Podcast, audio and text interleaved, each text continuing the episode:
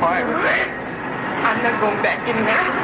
I have a friend in there alone, and I, I, I don't want to leave her in there alone. I'm not standing here shaking for nothing. How about you? Oh, it's very, very real. I don't like it. I want to go home. I want to see if it's going to make me throw up. It's that is one of the most grossest movies in the world. I ain't never took my coke and hit it over my face like that. Uh, I thought it was uh, very powerful. Just turned my mind. Terrible. And I just found it really horrible. I just had to come out. I couldn't take it anymore. People are extremely depressed by this.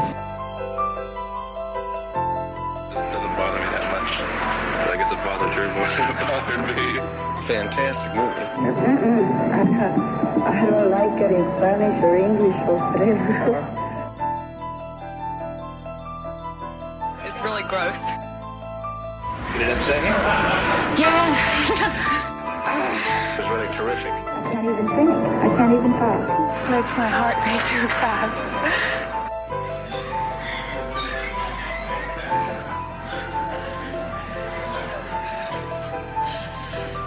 I've never in my life known a movie where people would faint. I mean, it's hard to make people faint.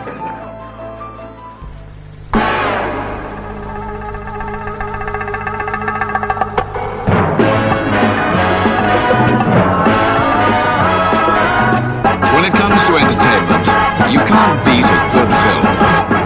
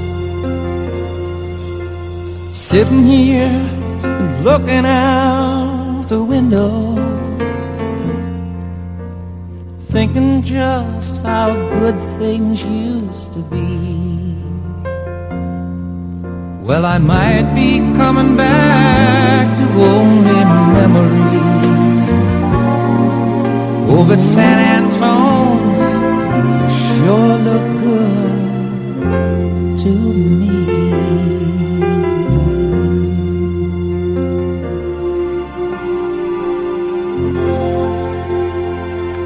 Goedemorgen, goedemiddag, goedenavond. Welkom bij weer een nieuwe aflevering van Inglorious Rankers, de podcast waarin we films ranken.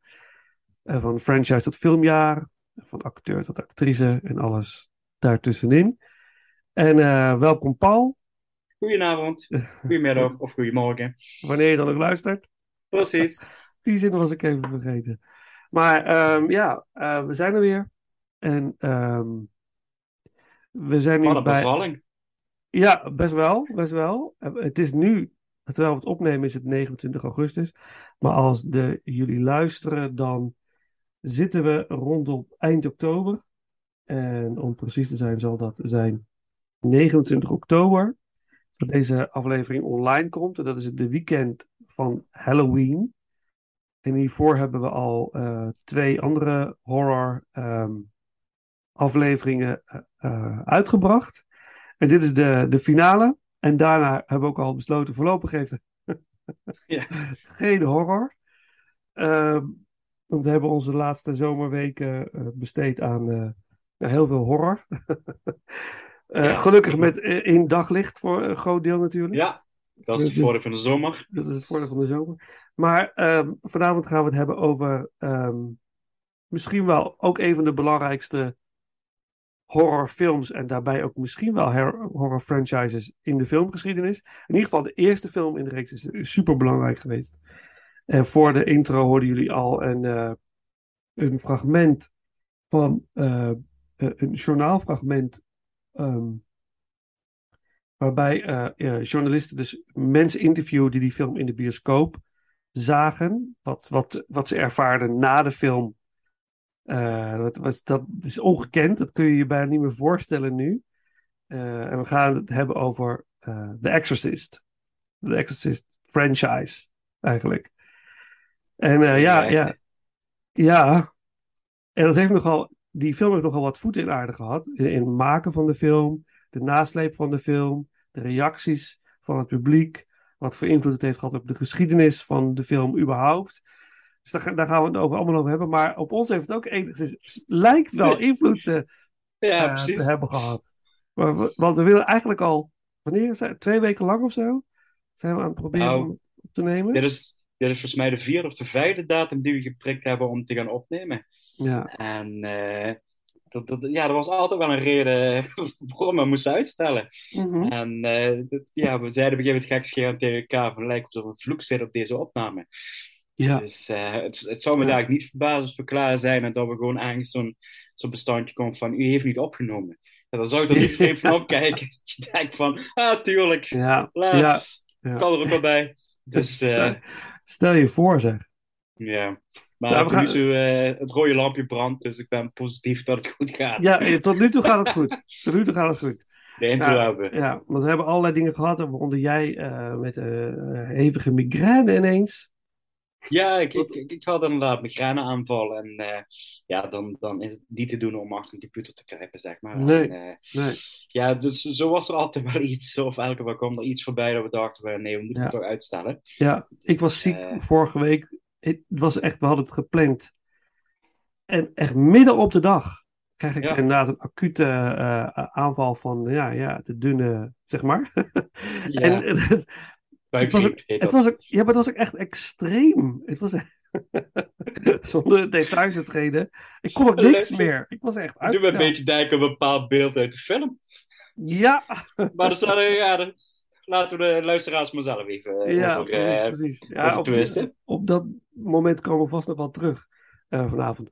Maar ja, we gaan het hebben over The Exorcist. Ehm, en ehm, gebaseerd op een boek, verfilmd in 1973 uiteindelijk. In samenwerking met de schrijver van het boek William Peter Blatty en de regisseur William Friedkin. En eh, we komen er zo uitgebreid op terug. Maar na de intro hebben we een muziekje gedraaid, eh, een track, een nummer. San Antone, eh, gezongen door Danny Brooks. En dat nummer zit niet in een van de Exorcist films, maar dat zit in de film The Ninth Configuration. En The Ninth Configuration is ehm, een film van William Peter Blatty, de schrijver van The Exorcist. Het is eigenlijk ook gebaseerd op een boek van hem. En hij ziet The Ninth Configuration als het vervolg op The Exorcist. Maar is nooit officieel. technisch gezien is het geen Exorcist film. Dus we hebben hem niet in de ranking geplaatst.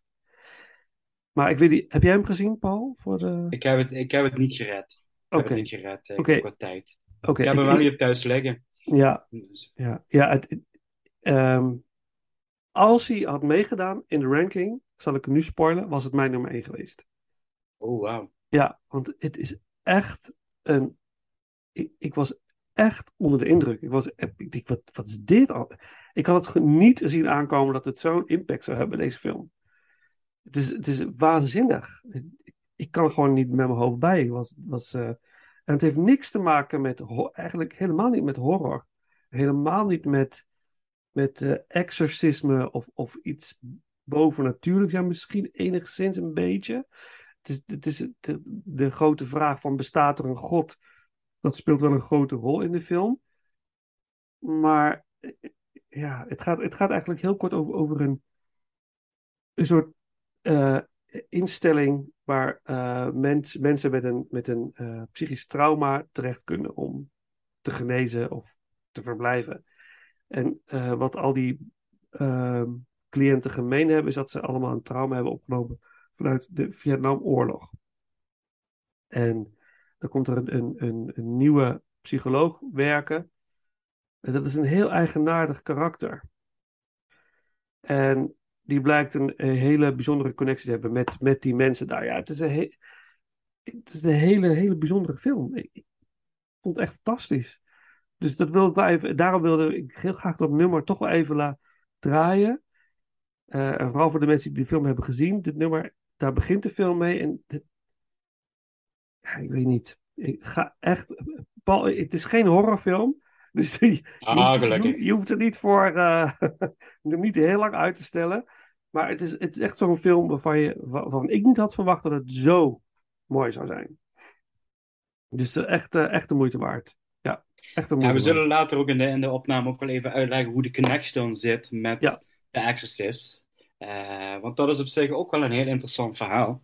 Ja. Afgezien van dat het van dezelfde schrijver is die ook deze, zijn eigen boek verfilmd heeft. En tevens ook de regisseur is van de derde Exorcist film. Ja. Ehm, dus daar zit wel een, een, een bepaalde spirituele, maar ook wel een fysieke eh, cirkelverbinding met elkaar. Ja. Dus Ja. daardoor het wel heel inter- ik heb er wel hele interessante dingen inderdaad over gelezen. En dat het eigenlijk wel een, een bepaald eh, ja, onbekend juweeltje is, wat, eh, wat door veel ja, kijkers gemist wordt. Ja. Ehm, het- Ja. Hij staat ook in, in een bepaalde top 20 of zo van de meest onbekende juweeltjes, om maar even zo te noemen. Het had een andere naam, die lijst. Oh, gaaf. Gaaf. Dat zijn die films die eigenlijk gewoon onder de radar blijven en nooit eigenlijk het publiek en de erkenning krijgen eh, die de films verdienen, zeg maar. Bijzonder. Ja, Dat, dat, vind, dat is dan weer mooi wat, wat we doen met deze ranking. Hè? We ontdekken zelf inderdaad die juweeltjes, maar we brengen ze ook weer een soort van een beetje aan de man. Dus eh, mensen, als je luistert, ja, doe het. Het, het zijn ook van die films die komen ook eigenlijk nauwelijks op, op streamingdiensten of op televisie voorbij. Dus nee. het lijkt alsof er een verboden bibliotheek is van films die, die bijna niet eh, ja, aan de man mogen worden gebracht. Ja, zeg maar. ja. In elk geval, de- alsof er, ik zou bijna zeggen, een vloek op zit dat deze films achtergehouden worden. Is het Dus, een, eh, is een leuk idee voor een ranking? De verboden Ja. bibliotheek. En doen we daar verschillende rankings van of zo? Ja, dan Top kunnen we eens schrijven op. Ja, Dus, die gaan we. eh, ja. Een lampje gaat branden. Dus we hebben hem opgeschreven. Dus eh, Hey, ja. wie weet. Ehm, zullen we maar Mag ik, nog een andere, mag Ja. ik een andere vraag stellen voordat we gaan beginnen? Ja. En misschien kunnen we deze ook het beste beantwoorden als we klaar zijn met, de- met de ranking. Ja. Maar The Exorcist heeft natuurlijk wel een bepaalde trend gezet qua horrorfilms. Ja. En er zijn enorm veel spin-offs gekomen en allerlei varianten van Exorcist-films. Ehm, wat is voor jou een Exorcist-film die eh, het vermelden waard is geworden, eh, omdat hij gewoon het Exorcist-thema gewoon heel goed uitgewerkt heeft? Wauw. Dit is een onvoorbe- onvoorbereide vraag, hè? Deze- Ja, ja, ja. Die moet ik Daar even... ik van. Possessed met Leslie Nielsen. Ja, ik kreeg die ook voorbij op Instagram. Ik, eh, ik had inderdaad die vraag ook gesteld eh, op Instagram onder mijn volgers. Ja, En ja. er kwam inderdaad, ik moet zeggen, Ed Huisman zei er heel goed, die bestaat niet.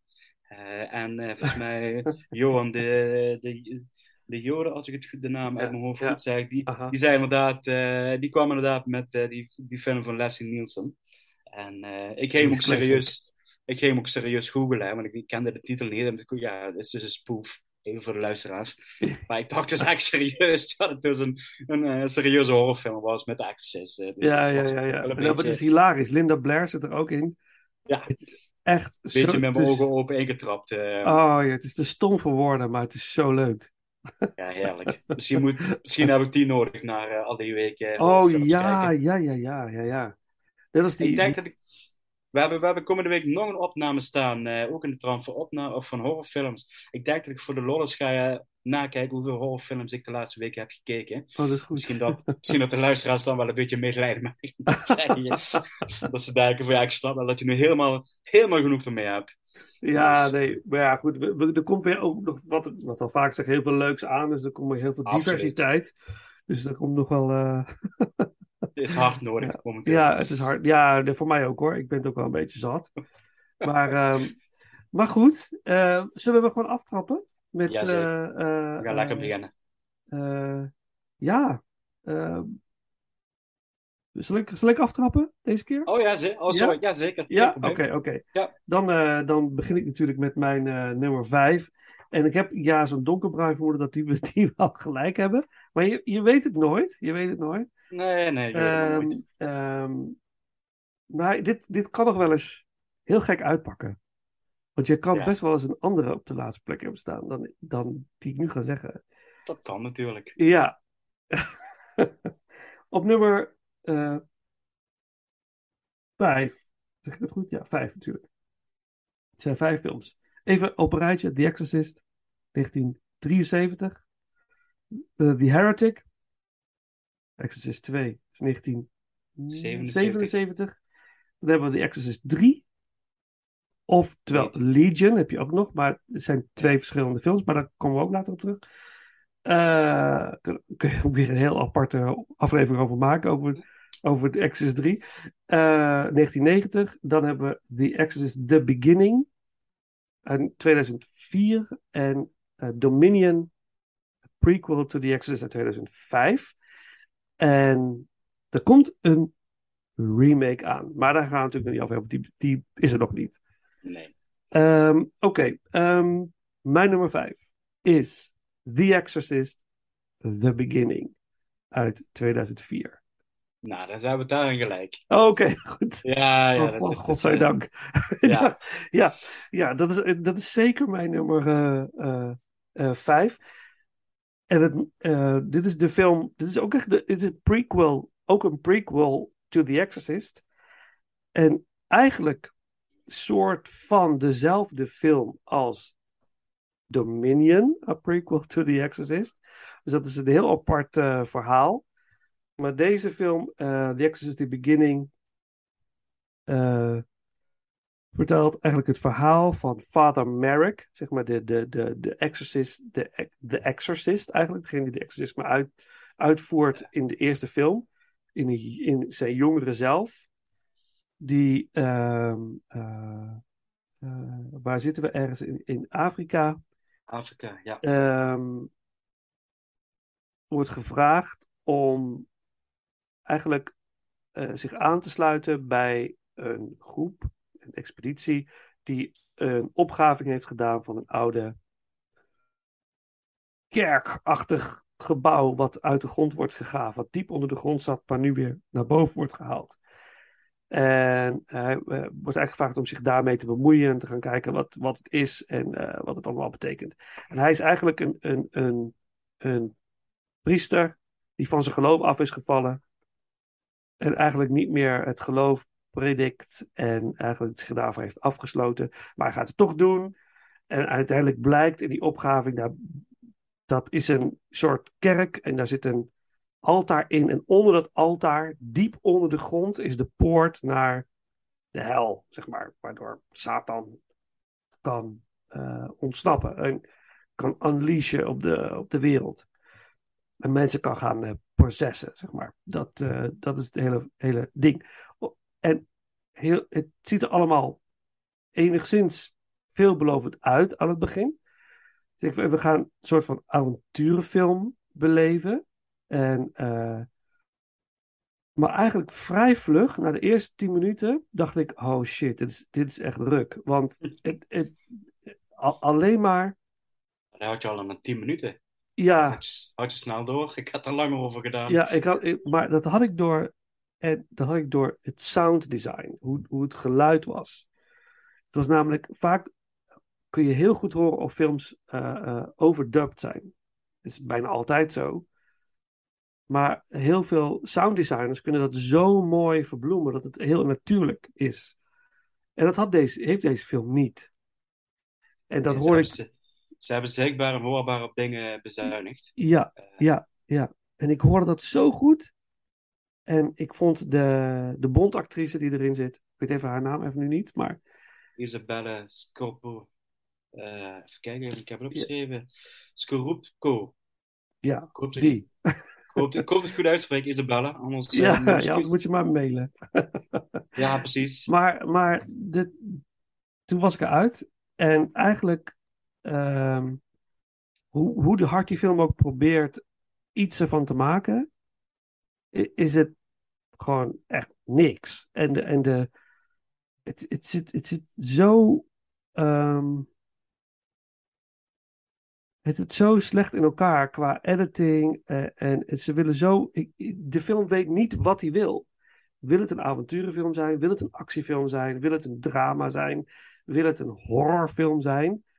Wil het comedy zijn? Wat wil het nou? Ik, ik, kan, ik kom er maar niet achter. En dan uiteindelijk komt Satan los en doet hij zijn haar of zijn werk. En dan krijg je een soort climax, een soort confrontatie tussen Father Marin. Marin is het, ik zeg Merrick, maar het is Marin. Father Marin tegenover Satan. En dan is die eh, dame waarvan ik nu al de naam al niet meer weet. Moet je nagaan. Jij zei net nog. Isabella, Ja. nog wat. Die hebben dan een confrontatie. Dat is zo, zo slecht, vond ik het. En dat deed me zo weinig. En al die trucs die in de eerste Exorcist zitten, zoals een hoofd ronddraaien en rare houding aannemen, werd gebruikt als een soort effectbejag in deze film. En dat vond ik zo, het stoorde me gewoon heel erg. En Stellan Skarsgård, die Van Marin speelt, een hele goede acteur. En ze, ze proberen hele leuke dingen. En ze proberen, maar het lukt niet. Dat is misschien een beetje wat ik voor gevoel ik had bij The Beginning. Het had zo mooi kunnen zijn. Dat, dat idee. Dus, Nou ja, ik, het, je zegt het goed. Ik heb er eigenlijk nou, ik heb er heel veel aan toe te voegen, maar ook vrij Oh ja. weinig. Want de kern geef je wel eigenlijk precies de, de, de, de, de makken van deze, van deze film aan. Ehm, ja, er, zit- er zit wel een verhaal achter deze film. Want eigenlijk is deze film was niet de oorspronkelijke film die bedoeld is. Ehm, eh, want de originele regisseur die is ontslagen. En ze hebben eigenlijk eh, er alles op gedaan eh, om deze film een succes. Dus ik had ook het gevoel van, en deze geld, of het geld is wel in deze film gepompt, wat ze voor ogen hadden om deze film te maken. En die andere film, daar kom ik later nog op terug, of daar komen we later op terug, want dat zit met elkaar verbonden. Ehm, maar eigenlijk alle trucjes die, ehm, ja, die, die waar de Exorcist om bekend staat, die proberen ze eigenlijk op een hele flauwe en slechte manier te kopiëren of te overtreffen. En Ja. eh, het werkt gewoon niet. Want daar wordt ook eigenlijk de kracht van die trucage, wat in de andere films wel gedaan werd, werd daarmee eh, ja, eigenlijk opgeblazen. Waardoor het Mhm. gewoon het, totaal niet werkt. Het was ook geloof on, on- eh, sorry, ongeloofwaardig. Ja. Ehm, ehm, er zit ook een, een, ja, een actieregisseur zit op deze film, Rennie Harling. Ja. Die toch vooral bekend is van Die Hard 2 en Cliffhanger. Eigenlijk van stevige actiefilms. Ik kijk op zich graag naar zijn oudere werk. Eh, ja, Dus vandaar dat je ook inderdaad niet weet wat voor toon deze film gaat krijgen. Eh, je, je zegt het ook terecht, van, er, er zijn momenten in de film dat ik eigenlijk denk van, ja, is het nou opzettelijk komisch of is het eigenlijk onbedoeld komisch? Eh, dat je bijna denkt van, je zit inderdaad naar een spoof te kijken. Ja. Ehm, sommige acteurs vond ik ook niet uit de verf komen. Ehm, ik moet het wel eerlijk zeggen, de, de, de hoofdacteur uh, Stellan Skarsgård heb, heb ik wel echt eh, eh, kon ik waarderen. Zo, hij deed, deed eigenlijk gewoon eh, prima, prima zijn ding. Ja. Eh, maar als hij niet beter materiaal krijgt, ook geen betere aanwijzing, ja, dan kan die arme man ook niet de film redden, zeg maar. Mhm. Ehm, dus dat, dat vond ik wel heel erg. ehm,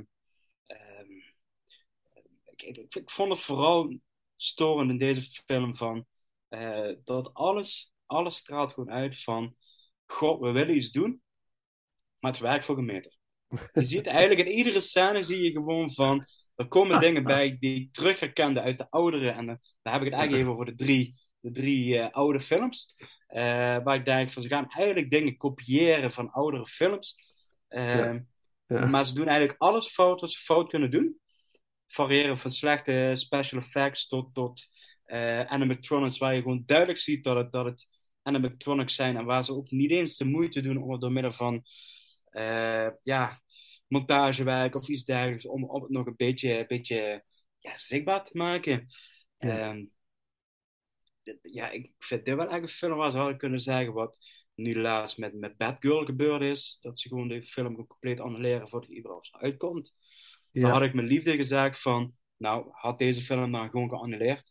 Ja. Ehm, Ja, zeker, en had, zeker. Had, had het verlies eh, voor lief genomen. Want Zeker. Dit, dit, dit, dit, eh, ja, op sommige fronten slaat echt nergens op. Ehm, en ik vind het ook voor een exorcist gewoon eh, compleet onbevredigend. Dus eh, het- ja, je hebt echt twee uur daarna zitten kijken en denk van, ja, weet je, dit heeft echt niks met horror te maken. Het enige, Ja. enige pluspuntje, of ja, pluspuntje, vind ik nog een beetje, een beetje te veel credits. Maar Anthony Kamerling speelde in deze film mede de- onze Nederlandse trots, eh, om het zo maar even te zeggen. Ehm, als, als een nazi-officier, wat weer met het verleden van eh, vader Marin te maken heeft. Ik moet eigenlijk altijd wel een beetje aan Hobbit denken als ik aan die naam moet uitspreken.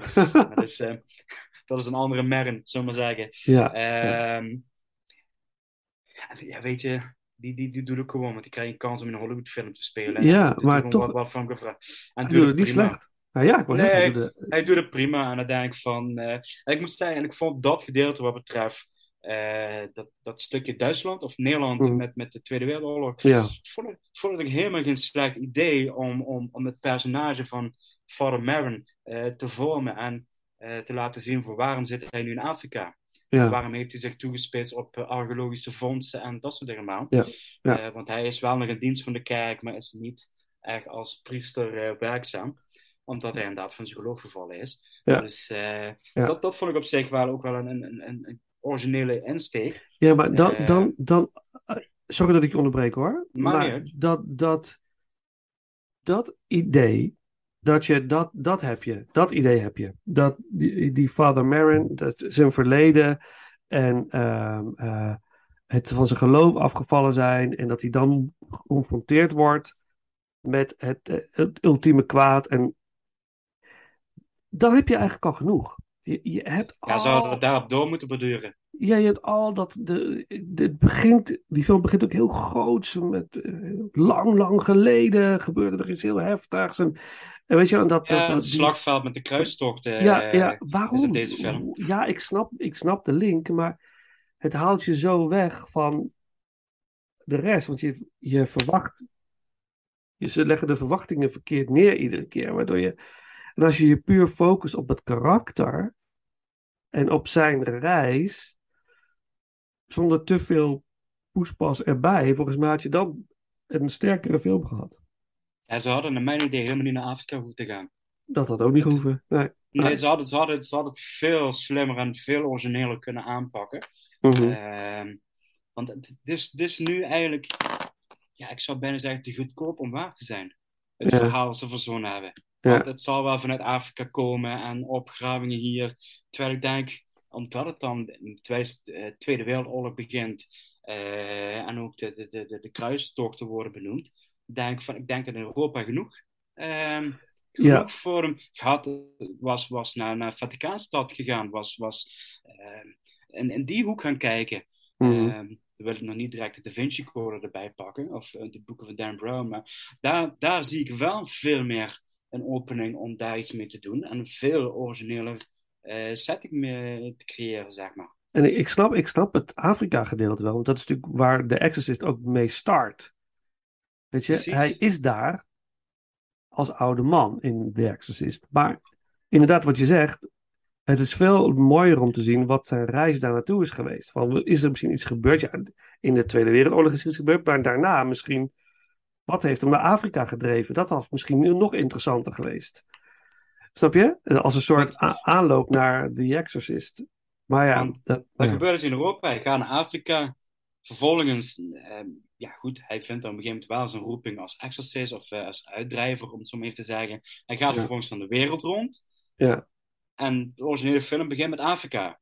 Dus Ja. het, het- het- het sluit gewoon niet aan dat ik denk van... Ik had het veel mooier gevonden als hij gewoon als gepensioneerde priester. Gewoon, ah, ik ga mijn oude dag slijten in Afrika. Ja, Omdat- ja. Het is een, is, is een passie van me om, om archeologische dingen te doen. Ja, Dat, ja, dat, dat, dat was denk ik veel origineler geweest dan wat ze nu ermee gedaan hebben. ja. Zeg maar. Wauw.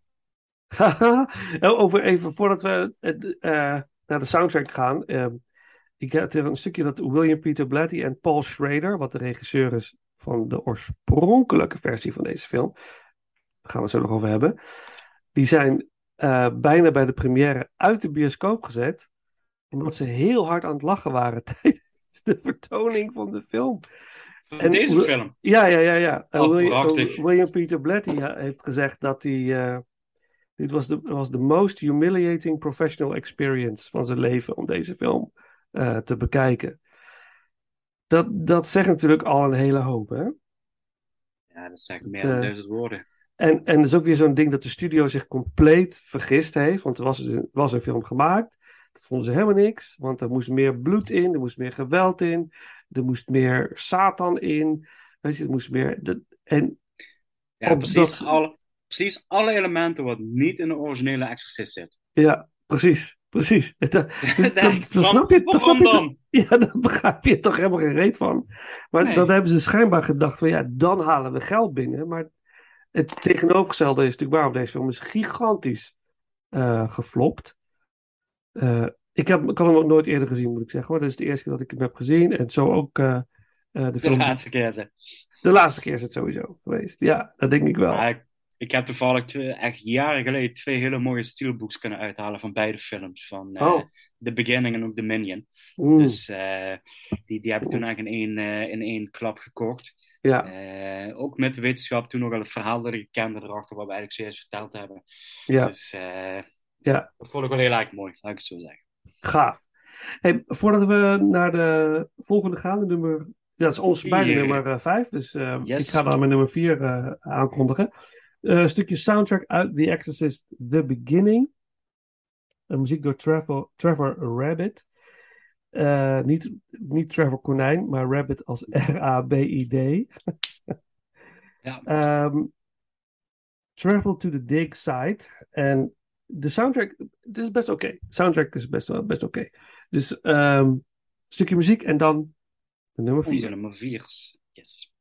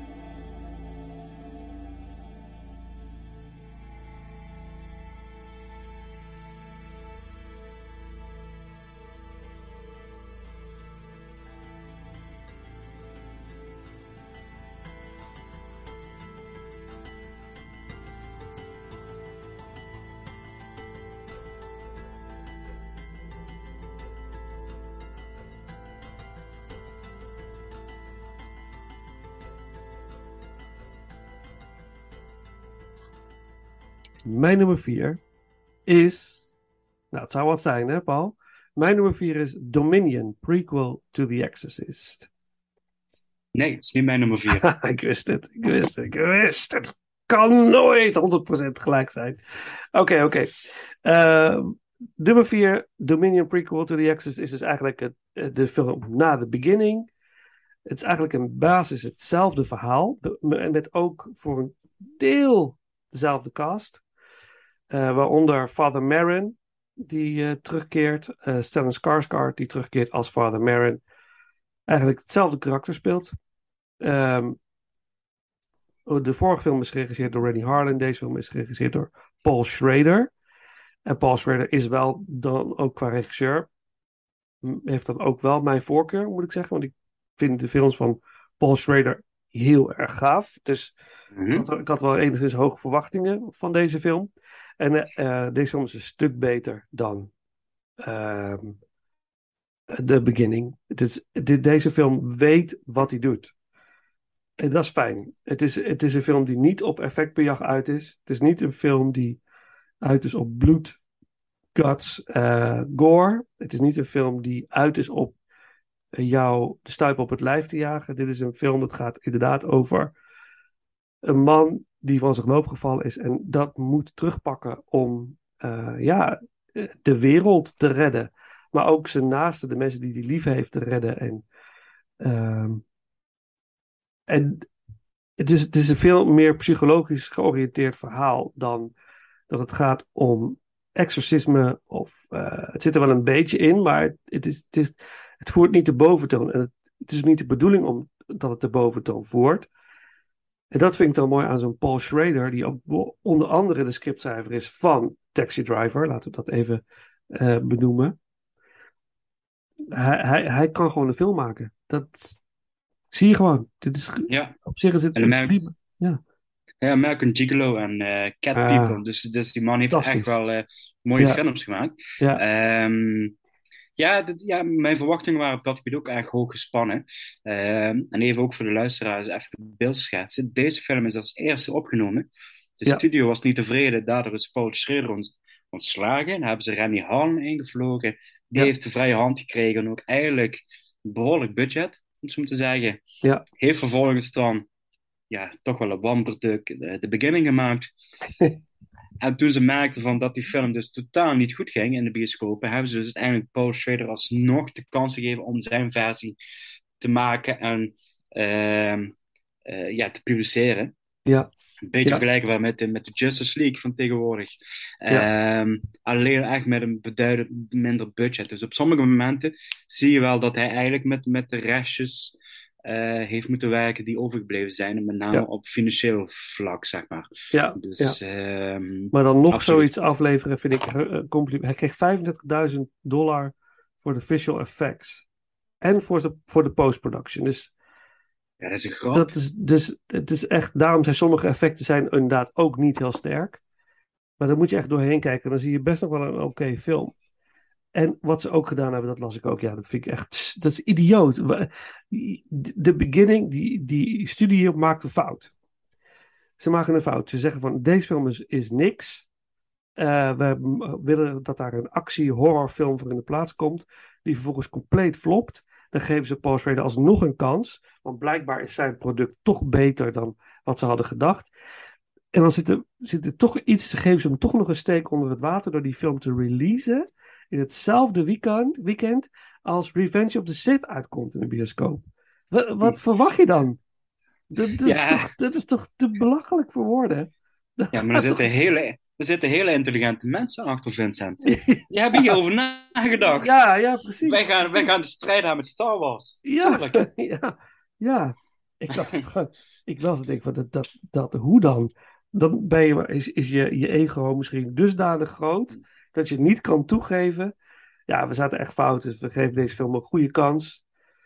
Want ja, ah, ja, ik weet niet of het in de tijd, in die tijd echt een kans heeft gehad, maar als zo'n film Nee, nu maar- uit zou komen met een goed karakter, character, character-driven verhaal, had hij best wat kunnen doen, denk ik, in de bioscoop. Ik denk dat hij tegenwoordig inderdaad eh, waarschijnlijk veel sneller naar de streaming was gegaan. Ja. Eh, en dat hij daar wel waarschijnlijk zijn, zijn, zijn, zijn publiek had gevonden. Ja. Dan zoals ze nu met deze film zijn omgegaan. Omdat hij dus inderdaad zo weinig in de, bi of in de bibliotheek, dat heb ik vandaag ook. Omdat hij zo weinig in de bioscoop heeft gedraaid en daardoor op zo'n flipmoment wordt uitgebracht. Mhm. En er staat me ook totaal niks bij van marketingachtige tafereelen dat, dat je denkt van, oh, er komt een nieuwe Exorcist film uit. Dus volgens mij is daar dus ook enorm op bezuinigd. Ja. Ehm, Ja. ja, die, die, die, die film heeft nooit zijn publiek gekregen en ook nooit zijn podium. Los van het feit of de film het waarde is of goed genoeg is om dat te krijgen. Ja. Maar als je, als je, als je niet. ehm, kijk, je kunt een topspeler halen, maar als jij geen ploeg hebt om erheen te zetten, of gewoon geen, geen stadion hebt, geen voetbal, dan, dan kan die speler ook niet excelleren. En dat is bij deze film ook. Ja. Als jij niet de omstandigheden erna maakt dat deze film zijn publiek gaat vinden, Ja. Ja, dan is het de moeite waard, zeg maar. Ja, ja. Dus, eh, nee, absoluut. En, en eh, we gaan het straks nog wat verder over hebben, want bij jou komt hij nog iets later terug. Ehm, nou, eh, even één ding. eh, Stellan Skarsgård een keer terug, maar ook Anthony Cabell een keer terug. Ja. In een, persoonlijk vind ik, beter gefilmde scène. Hij komt beter tot zijn recht. Absoluut, ja. Echt, zijn karakter krijgt ineens diepgang. Het is niet alleen maar een, een, een, het is niet een, een basic slechterik meer. Het is een slechterik. Hij is bijzonder vreed in de film. Maar er zit ook iets waarin, waarin je een soort twijfel ziet bij hem. Een soort, hij wordt toch een beetje menselijker in, in, in eh, Dominion, vind ik. Dus ook echt wel... Ja, eh, hij, hij moet iets doen om, om ook zijn eigen gezicht te redden als nazi-officier. En Ja. ehm, eh, ga daar heel ver in. Dan krijg je ook meer screentime in deze film. Ja. Ehm, dus ja, absoluut eh, vind ik wel een, eh, een pluspunt. ja, ja, Ehm, ja. ja, ik ga er zelf daar ook nog op terugkomen op Ja. dat die bij mij eh, voorbij komt. We gaan het er straks over hebben nog. Ja. dat is die, dit is in ieder geval mijn nummer, nummer vier. En dan doen we straks een stukje muziek uit Dominion. Laten we nu jouw nummer drie. Nou, nummer vier ga ik eens Oh, nummer vier, sorry, ja. Maakt Sorry, niet ja, uit, nummer maakt niet vier. uit. Ja. Ja, mijn nummer vier is Heretic. Ehm, misschien ook niet geheel onverwachts dat, die, eh, dat deze film eh, in de onderste konterijen van onze ranking zal verkeren. Ehm, ik heb de Heretic, maar ook het derde deel eh, kunnen lenen van een goede kameraad van mij. dus Jeroen, dankjewel hiervoor. Hij had deze films thuis in de kast staan. Ehm, ja, ik, ik heb deze film gekeken waarom die voor mij de vierde plek is komt te staan, omdat het, ehm eh, het deed me niks, deze film. Eh, het is een hele andere insteek dan de eerste ehm Exorcist film. Ehm, ze, gaan eigenlijk een beetje het geloof eh, versus wetenschap zetten. Wat op zich nog wel een interessant gegeven is. Maar de, uitvoering vond ik ja, zwak, laat ik het even zo zeggen. Het, het, het, het, deed me niet de, de, de, de, chills geven of de kippenvel. Ik denk, oh spannend, wat gaat hier gebeuren? En dat je echt gevoelsmatig had van, oh, oh, ja, hier, dit, dit is eigenlijk Exorcist wat hier gebeurt. De, de spanning miste ik volledig in deze film. En er is ook nog een uitstapje naar Afrika. Eh, met, met een, op zich wel een grappige rol. Maar goed, het is eigenlijk een beetje onerbiedig om te zeggen, grappige rol van James Earl Johnson. Eh, James Earl Jones. eh, sorry, inderdaad. eh, James Ja. Earl Jones. Ja, ja, ja, ja. Eh, Darth Vader. Darth Vader voor, eh, voor de liefhebbers. Eh, ja, dat, ik, het was een passage in Afrika. En dan krijg- komt Afrika dus weer terug op een of andere manier. En ik had echt zoiets van... eh, heb ik iets gemist? Ik heb hem de film zitten terug te spoelen. Ik denk van... en ik snap dat het wel dan weer over een visie gaat. Maar het, het klopte gewoon niet. En als je dan weet dat John Borman achter de camera staat, wat ik op zich wel echt een, een toffe regisseur vind, met name door Excalibur, eh, en ook andere grote films die hij gemaakt heeft. Mhm. Ik, ik, ik, dit, dit vond ik dus eigenlijk een bepaald eh, rommeltje. Ehm, maar niet zo eigenlijk als de beginning, dat moet ik wel even erbij zeggen. Maar het, het, ehm, het, het deed het gewoon niet voor mij. Het- ik, ik, ik heb deze film ook eigenlijk met moeite uitgekeken. Ehm, ook de wetenschap, ja, ik kijk hem gewoon, want we gaan deze ranking doen en dat vind ik ook helemaal niet erg. Ehm, maar het, het, deed me echt helemaal niks. En Wauw, eh, er gebeuren ook dingen in een film dat ik denk van, oh, oh dit, dit moet eng zijn. Oh, dit, dit, dit zal wel dit, ehm, dat ze hiermee bedoelen. Of ze willen dit creëren, ze willen, ze willen dramatiek brengen. Oh, ze willen, ze willen, oh, was het nou als een grap bedoeld of was het gewoon echt heel slecht film eh, maken, om het zo te zeggen. Ehm, dus dus, dus ik, ik, ik zat eigenlijk van, van dit is nog vis, nog vlees, of hoe het spreekwoord ook luidt. Ja, ja, ja. Ik, ik, ik, ehm, en het enige, het interessante concept is dan wel inderdaad wetenschap ten opzichte van het geloof, of spiritualiteit. Absoluut. Maar daar is ook alles mee gezegd in deze film. Eh, ja, voor mij dan. Dus vandaar dat die op nummer Ja. 4 komt te staan. Ja, ja. Eh, Ja. En de reden waarom die op nummer 4 staat, is omdat ik gewoon echt de beginning, maar goed, dat heb ik zojuist duidelijk gemaakt, die vond ik echt, eh, ja, deze film is dan toch beter dan de beginning, want de beginning vind ik dan echt, echt Ja. droevig, om het zo te zeggen. Ja. Want ze hebben, je ziet in deze film wel dat ze echt de poging doen om daar iets van te maken. Ze proberen echt iets anders te doen dan de eerste film, vind ik ook belovenswaardig. Eh, je, je ziet wel de intenties op heel veel fronten. En dan denk ik van, ja goed, dat, dat, dat is wel iets, als het uiteindelijk dan niet werkt, of gewoon niet lukt, ja goed, weet je, dan mag je toch eh, de makers toch een compliment geven. Ja. Eh, want ik, ik ga er altijd vanuit dat alle makers gewoon, of het nou de timmerman is of de regisseur, dat ze altijd proberen om de beste film te maken. En niet denken van, goh, ik heb vandaag zo'n slechte dag. Ja, we, gaan, we gaan er gewoon met, eh, we gaan het allemaal met de korrels opnemen en we zien wel wat gisteren. ja, ja, Dus- ja, dat zou ik. Dat, zo oogt deze film wel, moet ik zeggen. Maar ja, ik, dat, op sommige fronten snap ik, ja, snap ik dat wel, ja. ik, ik, ga, ik, ga, ik ga daarop door, want het is mijn nummer drie. Mhm. Eh, eh, dus dan kunnen we straks gewoon door naar jouw nummer drie. Ehm, dus ehm, het is, het is dat, ik, dat, ik, dat ik het me niet kon permitteren. Dit is wel wat ik nu ga zeggen. Het is dat ik me niet kon permitteren deze film op nummer 1 te zetten. Het, ik kon het me niet permitteren. Maar ik had de neiging om het te doen. Want wat heb ik zitten genieten van deze film? Ik heb zo gelachen. Ik heb zo gelachen. Ik heb, Maar wacht even. Jij hebt zitten te lachen. Dit is geen comedie? Nee, dat is het hem juist. Maar dat maakt het zo leuk. De, ze, ze, ze doen zo hun best om, om, om hier iets spiritueels van te maken met horror-elementen. En, en, en niks werkt. Nee, ja. Nee, Niks. dat dat Niks. niks werkt. Dus ik dacht echt, dit is gewoon nummer één. Ik kan deze film weer opzetten en gewoon weer lachen. Gewoon, wat, wat, wat, waar? Maar, nou, ik snap dat je lacht om, kunt lachen om de wesp. Hè, dat- dat- laat, ik, laat, ik- laat ik dat voorop stellen.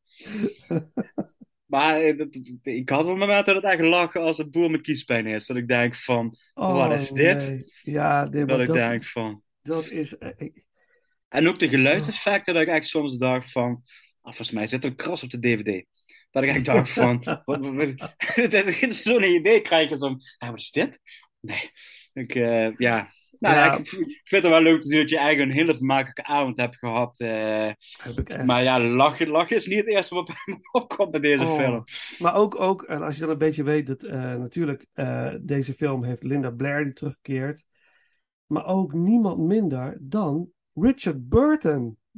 De legend speelt hier een rol. En het enige wat die man doet in de hele film is met grote ogen in de camera kijken. En heel boos of, of verdrietig. En tijdens dialoog is hij...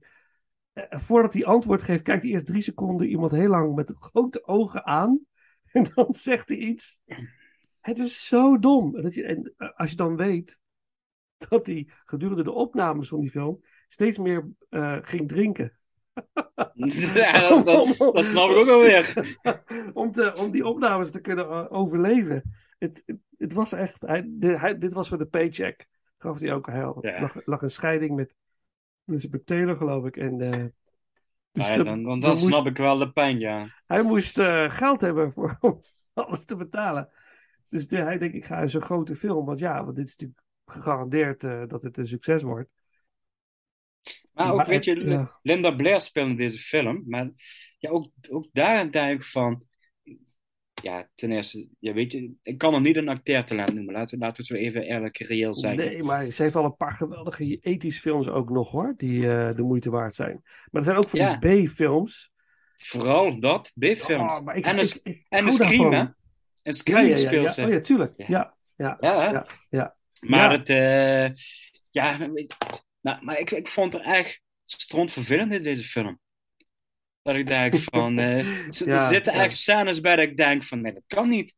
Gewoon van, je bent je eigen karakter van de eerste film ben je aan het vernakkelen, om zo te zeggen. Ja. Eh, Dat, dat ik denk van, ja, ik, ik hoop oprecht dat je nu weer de duivel treft. Kom Ja. wel, dit, dit is, dit, je vraagt hier gewoon om. Dat ik denk van, Ja. dat, dat wordt ook nog wel een... Ja, er zaten ook scènes in dat ik denk, ook dat ik denk, bepaalde kledingkus. Denk, ja, eh toegevoegde waarde. Dat ik denk van, eh, ja, moet dat erotisch zijn? Eh, tenminste, er komt geen enkel moment, na één moment komt erbij van, ja, dat de duivel dan door middel van lust iets probeert te verleiden, om zo te zeggen. Ja, ja. En hij dat- en, ja, zit nog steeds op de achtergrond, is die aanwezig bij haar. Precies. maar en, en, eh, wat ik begreep is dat, dat, dat het heel erg een issue was van komt er een vervolg en William Peter Blatty was erop tegen, Friedkin wilde het niet doen, Eh, Linda Blair kreeg script na script na script en wees alles af. En uiteindelijk kwam er een, redelijk goed script. Dus er werd akkoord gegeven, in ieder geval door Linda Blair, die ging meedoen. Maar het is niet dit script, toch? Nee, ze hebben dus heel veel rewrites gehad gedurende het opnemen. En toen is het een zooitje geworden. En de, de film is een, het is een puinhoop. Het is echt een puinhoop. Dus, Nou, ja, een van de is- briljantste scènes, om, het- om even kort te noemen. Ehm, op een gegeven moment Linda Blair zit in de wachtkamer met een meisje. En eh, ze vragen de meisje waarom ben je hier? En het meisje kon volgens mij niet praten en ging praten. Dat, kwam Oh ja. gebeurde iets. En dat meisje vraagt van waarom ben jij dan hier? Ja, ik ben als klein kind eh, bezeten voor de duivel geweest. ja. Het kwam er echt zo droog uit dat ik denk van als je dit gewoon in een normaal ziekenhuis zo uitspreekt, denk dat je gewoon, ja, dat mensen je niet serieus kunnen maar het kwam er zo slecht uit Oh, dat ik denk film. van, wat? Wat is dit nu? Eh, Oh. dit, dit, dit kan niet. Dit is, eh, oh man. Ja. Wat, wat, wat, ah, Ja, en dan wat, een, wat een verkrachting. en dan die bizarre keuze uiteindelijk eh, om terug te gaan naar het huis zelf. Voor die Ja. climax, om dan toch nog iets van een exorcisme te doen. Wat ook weer helemaal niet zo. Het, het is past, valt er compleet uit de toon. De effecten zijn slecht. Wat Linda Blair wilde, was dus een beetje sterrenlures. Klaarblijkelijk, die wilde niet, niet nog een keer al die make-up op. Dus die- dat, is een, dat is dus een, een andere actrice, wat je ook overduidelijk. Eh, ik wilde zeggen, was niet te zien. het was, nee, het was, oh, nee, het was zo goed gedaan. Ja. Ja, het is, ik, ik vind het echt. Dat, ik, ik wil hem eigenlijk bijna op nummer 1 zetten. Gewoon omdat ik denk: dit is. Ik, ik heb hier meer plezier aan gehad dan aan de, aan de andere films. Maar gewoon puur omdat ik. Ik hou heel erg van. eh, van bad movies. Ik hou heel erg. eh, Samurai Cop. eh, Ja, oh ja. Weet je, eh, Miami Connection. Die films. Ik, en ook met mijn zoon. Wij, wij kunnen echt van de, van, van de bank afrollen van het lachen om de, om de, de, de serieusheid die de film wil uitstralen, maar dat alles de plank mislaat. Laatst hebben we Ja. trouwens de film Pieces gezien uit 1983, geloof ik. Over een seriemoordenaar die allerlei mensen in, in stukjes hakt. Oh, gelukkig. Maar, denk, ja, hier ligt ik aan puzzelen. Ik denk al, eh, maar die film ook, het is, het is het, de, de ene scène naar de andere. Ik denk van, wa- waarom gebeurt dit? Wat heeft dit voor toegevoegde waarde aan het geheel? En dat had ik bij deze film ook de hele tijd zeggen. Wat zou Ja. dit nou voor toegevoegde waarde hebben? En, Ik, ik heb soms wel eens, dan loop ik de bioscoop uit met Roman, waar ik altijd vaak mee naar de bioscoop ga. En daar heb ik bijvoorbeeld echt zo'n slechte Le- Liam Neeson film gezien. Hè? En dan, zeg ik bijvoorbeeld, en dan, dan, dan kijk ik elkaar aan en ik zeg, vergeet niet ja, hier hebben dus plus minus 100 mensen een goedkeuring aan gegeven. Eh, die dus daadwerkelijk iets zien in dit verhaal. Dat we denken, ja, dit moeten we echt naar witte doek brengen. ja, Volwassen mensen met heel veel geld eh, op de rekening, die hebben gezegd, nou Liam Neeson zal het gewoon voor zijn spaarrekening doen, dat wil ik ook nog wel geloven. Maar dit, je zit eigenlijk vergaderingen lang, zitten hier mensen van, ja nee, dit kan echt wel worden, dit gaat een knaller worden. Dat je eigenlijk daar als kijker zit te kijken zo van...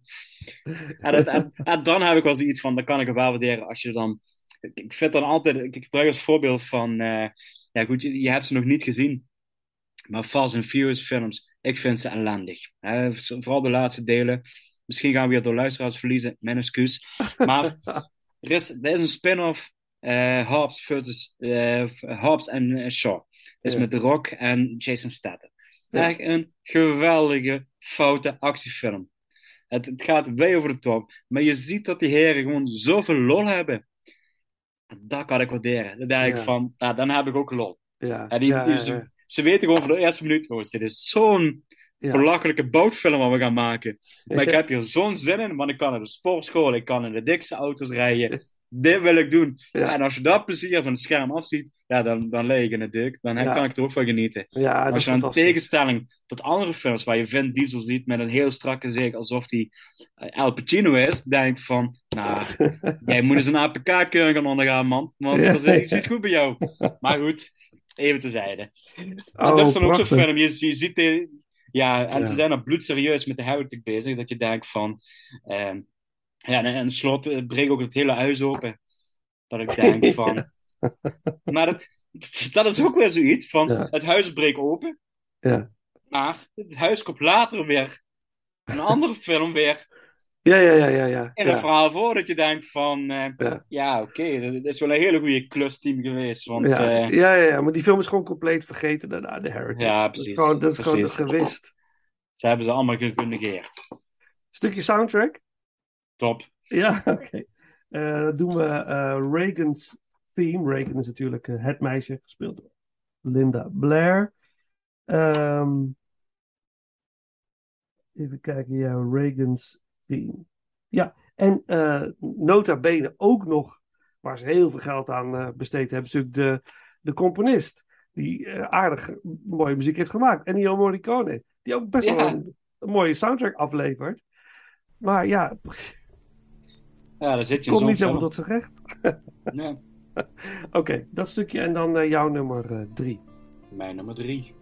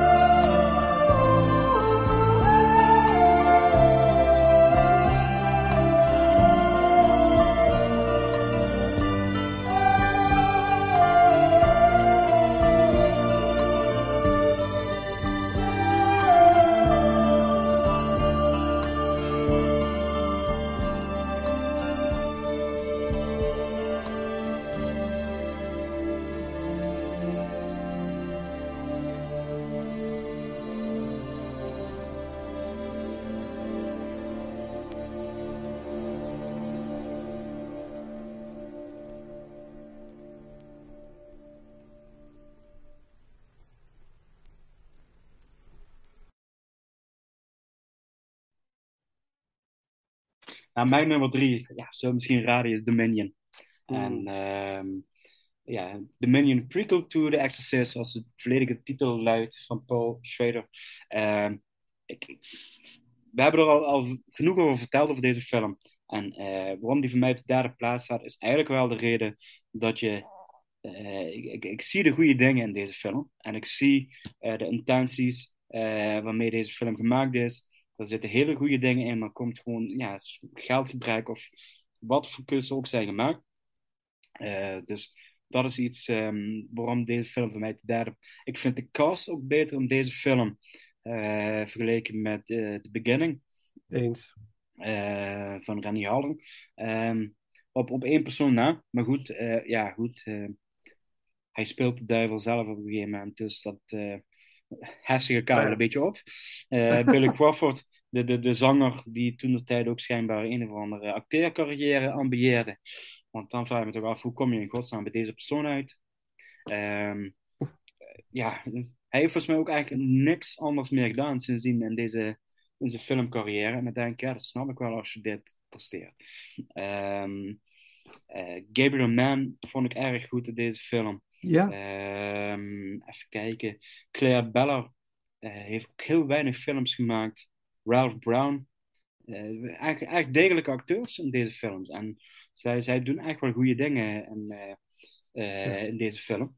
Maar het heeft helaas iets wat mogen zijn. En dat vind ik eigenlijk wel een beetje jammer. Dat, dat, dat hun acteerprestaties eh, niet erkend worden en gezien worden in deze film. En wat ik op zich ook nog wel een mooie toevoeging vind voor deze film om te benoemen, is dat niet alleen wordt, wordt het geloof op de proef gesteld van eh Father Maron, maar ook eh, ja, zijn, zijn, zijn liefde voor de kerk. Eh wil hij bij de kerk blijven of kiest hij ervoor om toch de kerk te verlaten en iets in Afrika te gaan doen? Want hij, hij krijgt op een gegeven moment toch het aanbod op het einde om samen met, met een, een, een lokale zus om daar een weeshuis slash ziekenhuis te gaan runnen. Ehm, dus ook, ook daar, en daar speelt ook wel enige romance tussen deze twee personages. Dus ook zijn celibatisme wordt op de proef gesteld.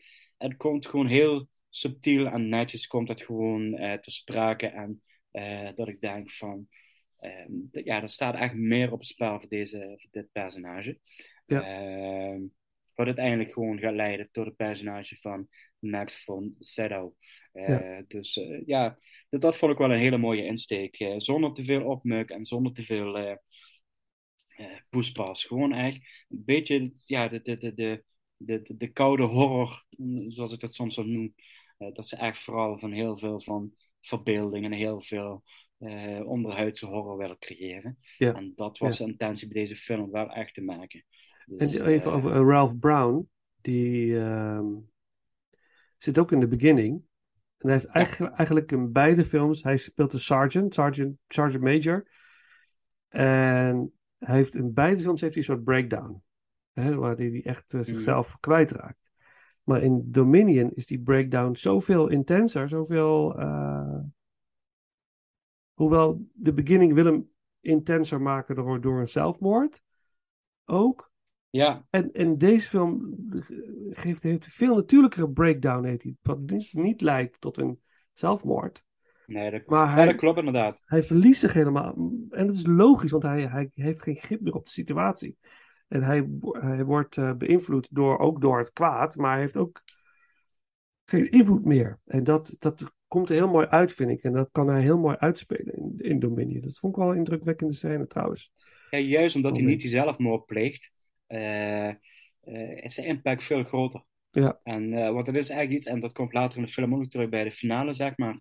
ehm, dat, dat, dat ook hij wordt op proef gesteld. En ook hij heeft hiervan geleerd. En ook hij is, Ja. is ik kan niet zeggen genezen, maar heeft wel echt iets van, ja, dit, dit ga ik nooit vergeten. Nee. Ehm, Nee. En wat ik op zich wel een mooie vond, eh het laatste shot loopt vader Marin loopt weg van het ziekenhuis. En dan doemt de mis op. Het in het zonnige Afrika. Eh, en je ziet hem in de mist verdwijnen. En Mhm. in de originele Exorcist zie je hem dus in de mist verschijnen. Ja, En dat, vond oh, ik dat is wel mooi. Ja. vond ik eigenlijk wel een hele mooie, eh, mooie Ja. metafoor om dat Ja. eh, zo, zo te presenteren. Dus Ja. dat ja, true. eh, Ja, vond ik wel even vermelden waard. gaaf. Mijn nummer drie. stukje muziek dan maar, dat hebben we nog niet gedaan voor Dominion. Dus de soundtrack is de, de muziek van eh, Angelo Badalamenti, ook geen verkeerde componist. Dus dat eh, en, eh, Ik ben wel, ja. nou, ik ben wel echt verbaasd van hoeveel grote namen eigenlijk met alle twee de films hebben gewerkt. Ja. Zowel eh, voor, achter de camera. Ja. Cameraman is ook helemaal geen onbekende naam. Ehm, ja, componisten. Ja. Ik denk van, ja, toch wel bijzonder. Ja, zeker, zeker. laten inhuren. Ja, ja. Ehm, ehm, de theme music uit de film eh, Dominion prequel to The Exorcist en dan eh, nummers 2.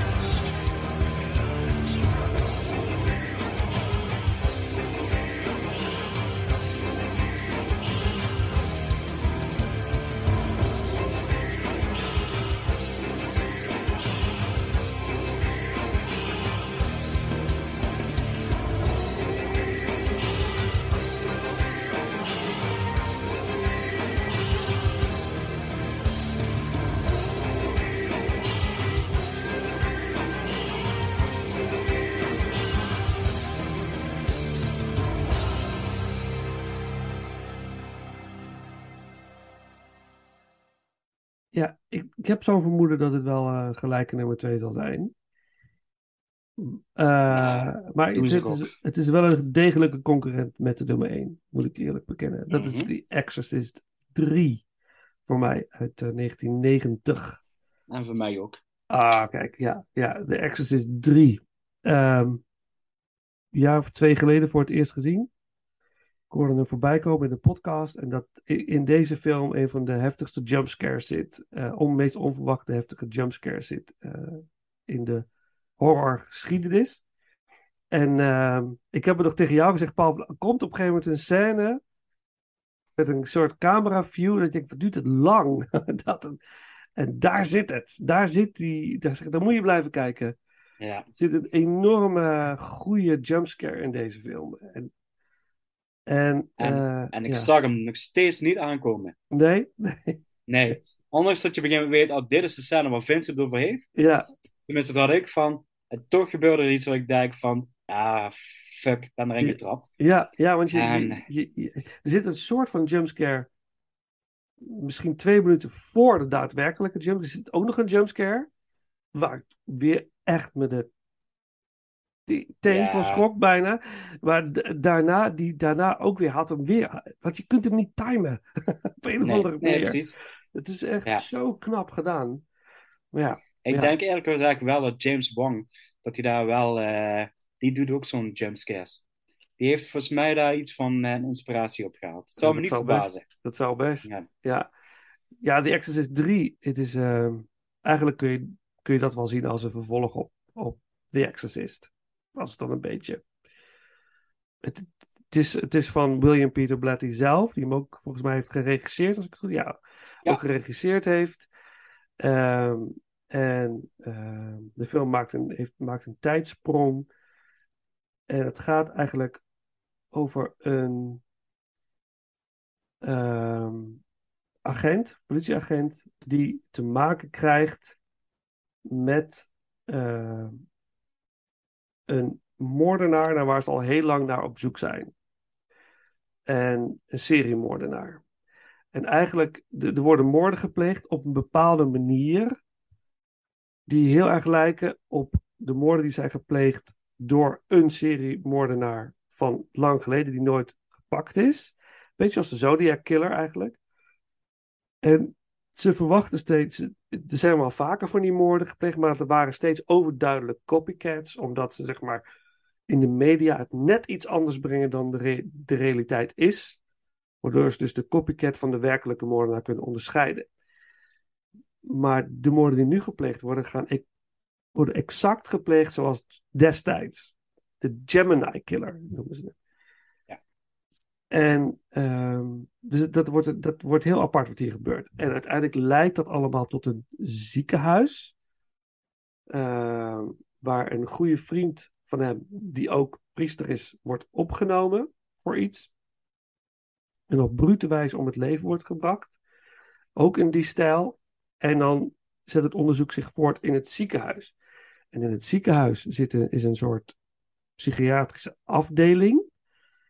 Waar zeg maar mensen zitten die eigenlijk niet meer te helpen zijn. En daar zit een man in een van de cellen.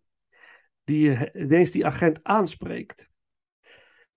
Met zijn naam, zeg maar, zelfs. En hij doet zichzelf voor als de Gemini Killer. Maar dat kan bijna niet, want de Gemini Killer is nooit gepakt. Dus dat, en dat, dat dan wordt een heel mysterie ontrafeld. Wat uiteindelijk leidt tot een. Dat, dat, dat, zeg maar, dat de duivel is, zit in die man, in die cel.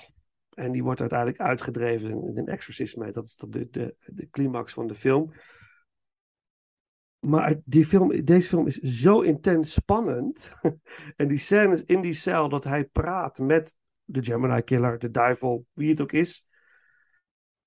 Is, zijn heel intens. En heel, heel eng bij tijd en wijle. Er zitten een paar hele enge, enge momenten in die film.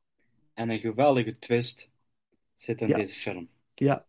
Dat, eh, kijk, goed, we zitten toch in spoiler Ja, territorium. doe maar, dus- doe maar dus gewoon. Ja. Dus, eh, want zoals de Exorcist eerst eindigt, de, de, de priester eh, van dienst, die neemt de duivel over en springt uit het raam om een meisje te, te redden.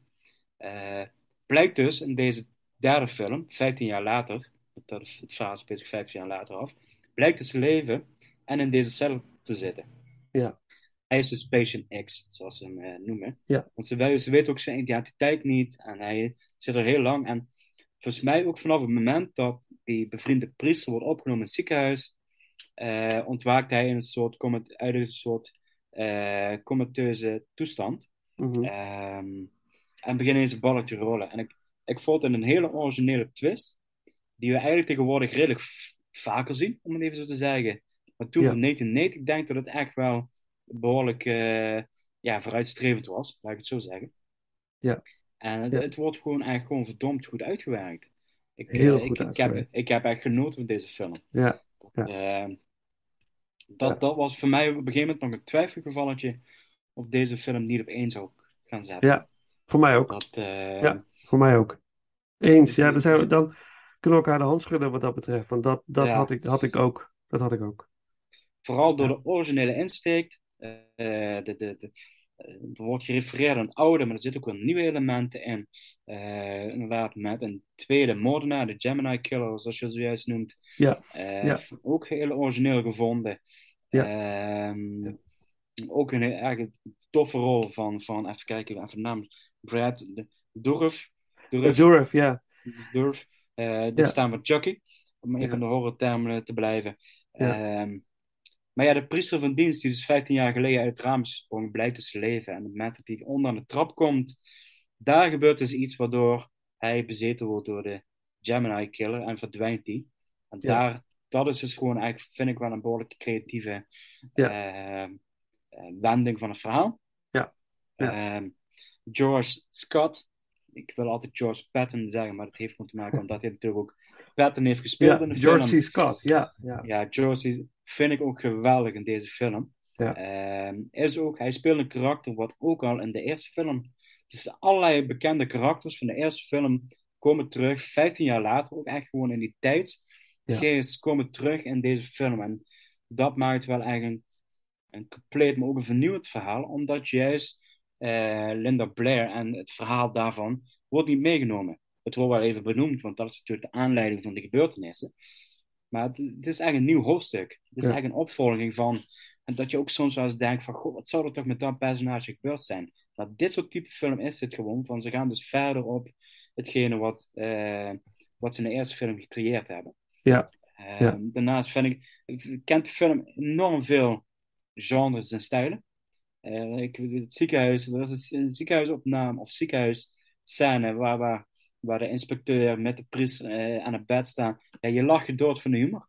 Ze hebben Ja. een hele rare humor met elkaar. ja, ja, ja, ja, ja. Dat je in eerste instantie ook denkt van, is het serieus? Maar dat is echt gewoon de humor die die mannen onderling van... Onder, dus en dan denk ik van, ja, maar dit vind ik echt grappig gedaan. Dit, eh, je wordt er eigenlijk meegenomen en in eerste instantie twijfel ik echt van... Is het nou erg of zijn die elkaar voor de gek aan het houden? Of zijn die echt boos op elkaar? Maar je ziet daar wel een bepaald respect, maar ook een bepaald soort liefde voor die tussen die twee mannen van... We hebben al heel veel meegemaakt en... eh, eh, eh, die gaan gewoon één keer per week gaan die een kop koffie drinken en spreken ze gewoon de, de zaken van de wereld door. En er zit gewoon echt zo'n bepaalde vriendschap tussen, tussen die twee.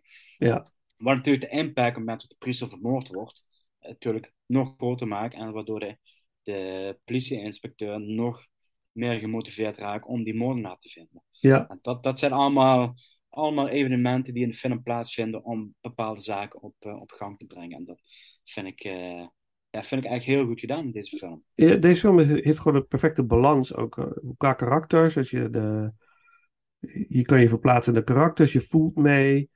Er, zit, er zit genoeg horror in, want het is wel ook echt spannend. De film opent ook al gelijk heel onheimlich, maar, maar heel zo'n raar gevoel. Oh, dit is fout. Ja, Eh, eh, shot is dat. Ja, geweldig, geweldig. Gaan ook straks de openingsmuziek, de muziek die bij die scène hoort, is, is ook zo intens, goed. En, en Het lijkt, het lijkt een one-shot, lijkt het echt. ja, ja, En eh, Ja. het, het- begint boven de trap, de bekende trap, waar, waar, en de camera rond naar beneden en vervolgens loopt hij dus. En je ziet de hele tijd een, een jongen, zie je voortdurend door het beeld lopen. Of in elk geval, die, Ja. jongen, die jongen komt diverse malen voorbij. Steeds op andere momenten. De ene keer rent hij voorbij, de ene keer staat hij in een hoekje. De ene keer biedt hij een bloem aan.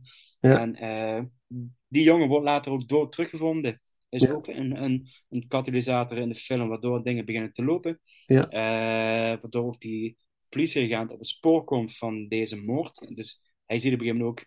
eh, dat is eigenlijk de eerste aanwijzing van de seriemoordenaar. Ja. Waarvan hij zegt: ja, maar we hebben 15 jaar. Die is 15 jaar geleden opgepakt of verdwenen. Dat kan niet. Nee. Dit weet alleen de moordenaar. weten Ja. met, eh, met deze, deze eh, werkwijze en deze gegevens. Zeg maar. Ja, ja. Nou, laten we even een stukje muziek doen uit de film. Juist dat moment. En dan komen we nog heel even terug, want er is nog wel wat meer te vertellen. Want er is ook nog een andere versie van deze film. Maar gaan, we- daar gaan we het zo over hebben. Dus eh, een stukje soundtrack uit The Exorcist 3. 3. Eh, gewoon, dat zijn de, de, de, de main titles. Dus eigenlijk de, de, de, de beginmuziek. Eh, muziek door Barry the Vorzon. Ik, klinkt heel Nederlands. Maar ehm, en het, eh, de Tubular Bells van Mike Oldfield komt heel even terug aan het begin van de film. Dus dat maakt ook gelijk de referentie aan de eerste film.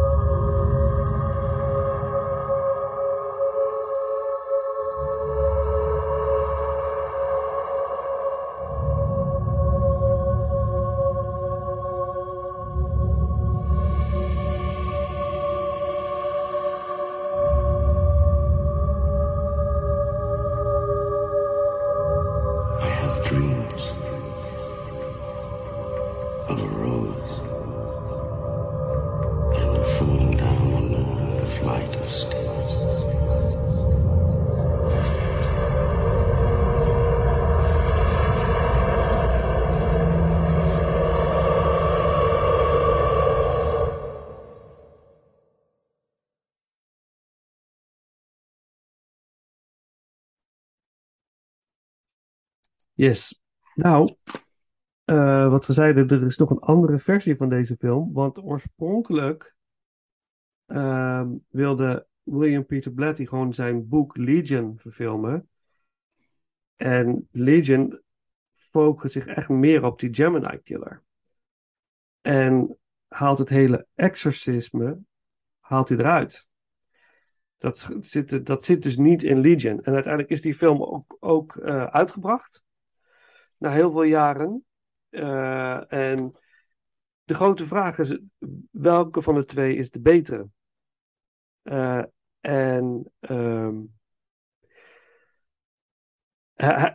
Blatty had heel veel druk vanuit de studio, want ze wilden gewoon inderdaad dat, dat eh, een exorcisme iets in die film hebben om het publiek tevreden te stellen destijds. Van, ja, er moet iets van actie in zitten, iets van bloederige horror, daar moet iets meer.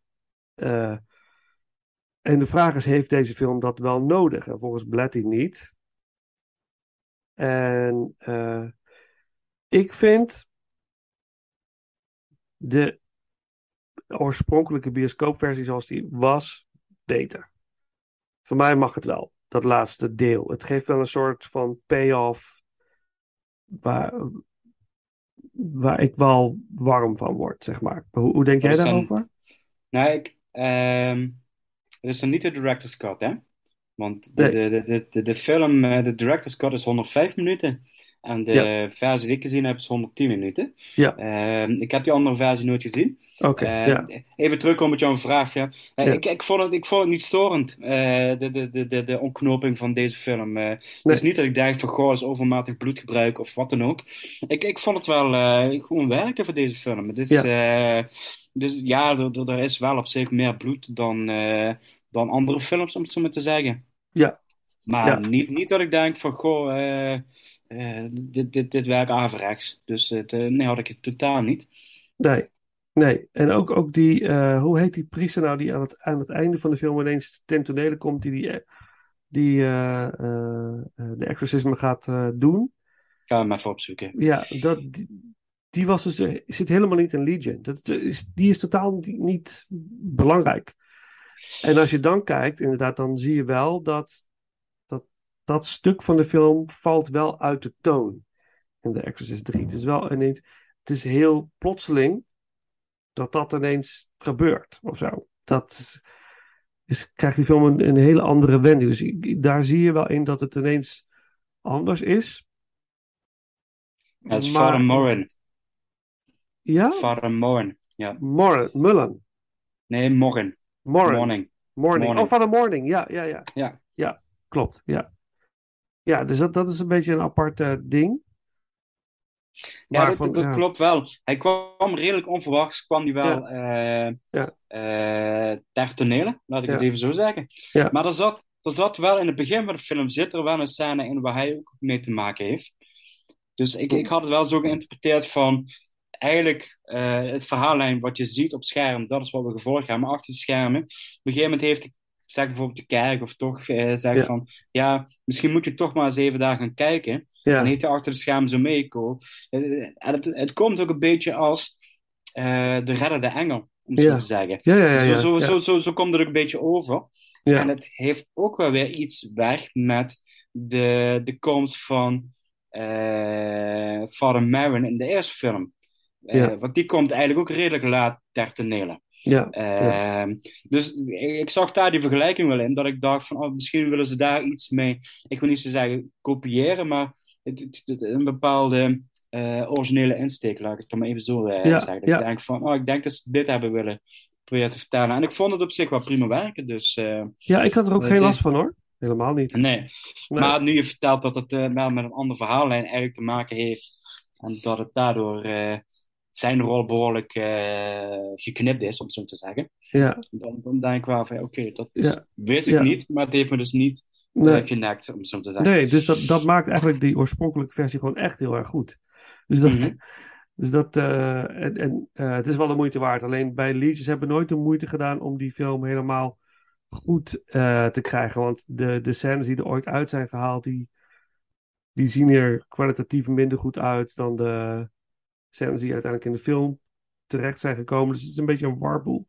Maar op zich wel interessant. Op zich wel interessant. Ja. Ehm, zullen we naar nummer 1?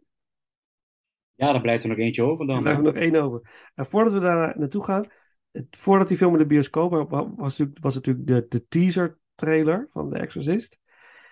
En die, eh, die was al geband in veel bioscopen.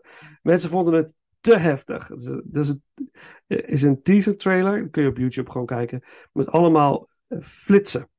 Eh, gezichten die eh, wit opdoemen in het beeld. Heel snel en geluiden en creepy muziek en dan zo'n echte trailerstem die eh, wat vertelt. We gaan hem gewoon draaien eh, als, als intro naar onze nummer 1.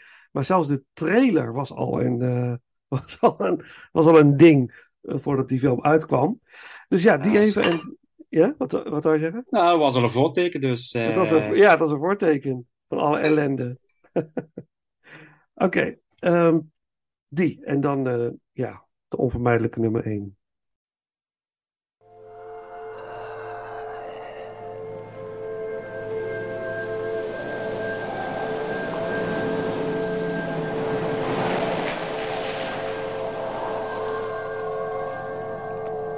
Something beyond comprehension is happening to a little girl on this street, in this house. A man has been sent for as a last resort to try and save her.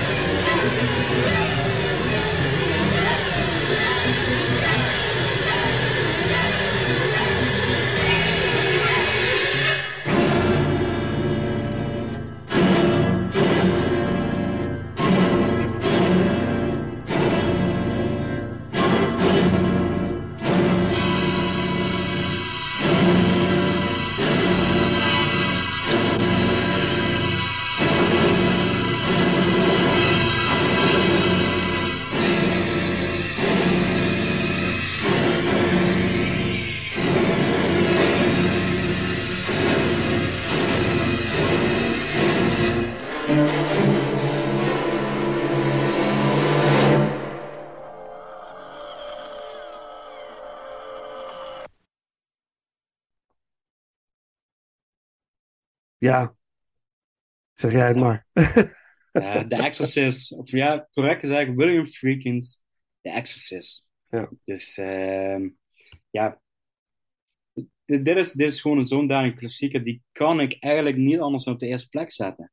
En daar wat ik zojuist zei, van ik heb even getwijfeld of de derde film eh, op, de, op de eerste plaats te zetten. En met name omdat ik eh, vooral verrast was met de derde film qua insteek en ehm, benadering van het verhaal, zeg maar. Dat het echt een, een vervolg is, wat, wat de bekende elementen heeft, maar toch vernieuwend is. Ehm, ehm, en als ik ga kijken, zal ik misschien wel misschien deel 3 sneller opzetten dan de eerste film. Omdat eh, de eerste film is zodanig bekend, om even zo te zeggen. Heeft absoluut zijn kracht. Uh, maar het is voor mij wel ook een type film. Ik kijk hem niet vaak. Juist om die kracht te behouden. Zeg maar. Het, het is eigenlijk hoe minder je kijkt, hoe sterker die blijft. Laat ik het even zo zeggen. En dat is Mhm. zoiets wat ik, wat ik heel mooi vind aan deze film. Mhm. Ehm, maar god, wat is deze film spannend. Laten we zo even simpel zeggen. Eh, on- ondanks alle, alle gore effecten die voorbij komen, ehm, is het wel ook gewoon op, op, oprecht gewoon een spannende film. En voel je vooral de wanhoop van moeder die haar dochter wil helpen. Ehm, en eh, dit, is, is een actrice. In het begin zie je ook een set waar ze op acteert en speelt. En een redelijk bekende naam. Dus ehm, daar speelt ook al wat mee. Dat het lijkt alsof je een beetje in een film in een film zit, zeg maar. Eh, dat geeft ook een bepaalde aparte dimensie, omdat je soms niet weet van, oh, is dit nu een scène in een film die zij aan het opnemen is? Eh, ze zit ook in een scheiding. Eh, de vader van het kind woont eigenlijk anders. Dat leeft ook wel weer een bepaalde spanningsboog. Dus op een gegeven moment is ze ook op een feestje. En daar komt op een gegeven moment een astronaut voorbij. Dat is een astronaut, dat personage, dat heeft dus te maken met de film The Nine Configuration. En zo is eigenlijk een beetje waarom die film eh, semi een beetje ermee te maken heeft met de Exorcist franchise. Ehm, want dat was ook een gedeelte wat helemaal uit de film is weggelaten. Maar in het boek eh, is daar heel veel, wordt daar meer aandacht aan geschonken. Waardoor eh, het verhaal van de Nine Configuration eh, veel meer aansluiting krijgt met de film van Exorcist, zeg maar. Mhm. Dus ehm, dat is een beetje de, het verhaal daarvan. Mhm. Ehm, ehm, ja, want het staat me vooral, de, de, film staat me vooral bij van de muziek, het bekende deuntje. Eh, wat ik al zei, het shot van dat eh Father Maron arriveert uit de taxi stapt. Zo iconisch, zo Ja, spannend. Ja. En ehm, ook, ook ehm, die scène geeft iets hoopvols, maar ook niet, niet overtuigd van ah, dit, dit, dit gaan ze wel oplossen. Mhm. Eh, om het zo te zeggen. En dan de ontknoping die erbij komt, eh, ja, vind ik gewoon ontzettend sterk, zeg maar. De Ja. film neemt wel zijn tijd om het verhaal op te zetten. Is op zich niet erg. Eh, maar het, wordt, eh, ja, het, het, het komt altijd uit de onverwachte hoek. Sommige dingen. Ja. Dat je denkt van, eh, waardoor het meisje ineens op de kop eh, over de trap loopt. Een van de bekende scènes. Ja. Ehm, geluiden. Eh, de moeder wordt in eerste instantie niet serieus genomen. Eh, het zal wel eh, eh, ja, bepaalde kinderziektes zijn, om maar even zo te zeggen. is misschien wat onherbiedig. Eh, maar ze denken iets heel totaal anders. eh, dat het eh, te maken heeft met de scheiding van, van moeder eh, en dat vader weg, ver weg woont. Dus Ja. er wordt van alles bijgehaald. Ja. Maar uiteindelijk Ja. blijkt het gewoon. En zij gaat op een gegeven moment gewoon echt hulp zoeken bij een priester. Ja. Omdat ze op een gegeven moment echt denkt: van, ja, maar je, je speelt echt hogere krachten mee. En dan begint de film echt te lopen. Ja. We krijgen dan ook te maken met, met een priester. Die gespeeld wordt door eh, Jason Miller. Fantastisch. En, eh, ja, en, en dat is eigenlijk ehm, hetgene wat ik eigenlijk wel jammer vind. Want natuurlijk heel veel aandacht en heel veel credits gaat naar, naar Father Maron, om zo te zeggen. Eh, maar eigenlijk is, is, is deze priester, waarvan ik even de naam van het personage kwijt ben, eh, is eigenlijk ook wel echt een, een bepaalde ster van deze film. Eh, Father Eh, Karras. Ja, dankjewel. Ja. Father Karras. Eh, die, die worstelt ook met zijn geloof. Want die is ook recentelijk zijn moeder verloren. Dat gebeurt ook in de film. Worstelt ook met allerlei elementen van het geloof, van zijn leven, et cetera, et cetera. Twijfel op bepaalde dingen. Maar ja, komt ineens en hij voelt gewoon, ja, ik moet gewoon dit meisje helpen. Hij, Ja. hij krijgt het niet over het hart om, om, om te draaien en te zeggen van, ik, eh, ik, ik ga je niet helpen, zeg maar. Nee. Eh, en uiteindelijk roept hij dan de hulp in van het, van het, eh, ja, van het bisdom, om zo te zeggen. En Father Maron wordt dan ingevlogen, want hij komt eigenlijk pas het laatste half uur voorbij. Ja. Eh, en aan het begin van de film natuurlijk. Zit hij ook ja, precies. In het begin van de film. Met name ook uit, uitgebreid in de director's cut eh, van ruim twee uur en tien minuten. Daar zie je meer scènes van Afrika inderdaad. Eh, maar dat is een beetje wat ik jammer vind. Er wordt heel veel focus op Father Maron gelegd en niet op eh Father eh eh, Karras. Karras. Ja. Eh, want, want hij is eigenlijk misschien wel de, de, de, ja, de, de, de, de, we zeggen dat de onbekende held. De, de, de, de, misschien wel de, de, ja, de, de, de, ja, hoe zal ik het noemen? Ja, ja, het is wel zo. De anti-held, de, degene die... De anti-held, ja, En hij, en hij, en hij, en hij, hij, eh, geeft zijn leven. Hij offert zichzelf op. Ja. Ja, dus dat, dat ja. Ja, ik, ik vind, ja, ik voel deze, deze film. Wanneer heb je hem voor het eerst gezien? Kan je dat nog herinneren? Bro, dat zal. eh, ja, ik denk een jaar of tien geleden, denk ik. Ja. Ik denk dat het Ja. eh, zoiets is.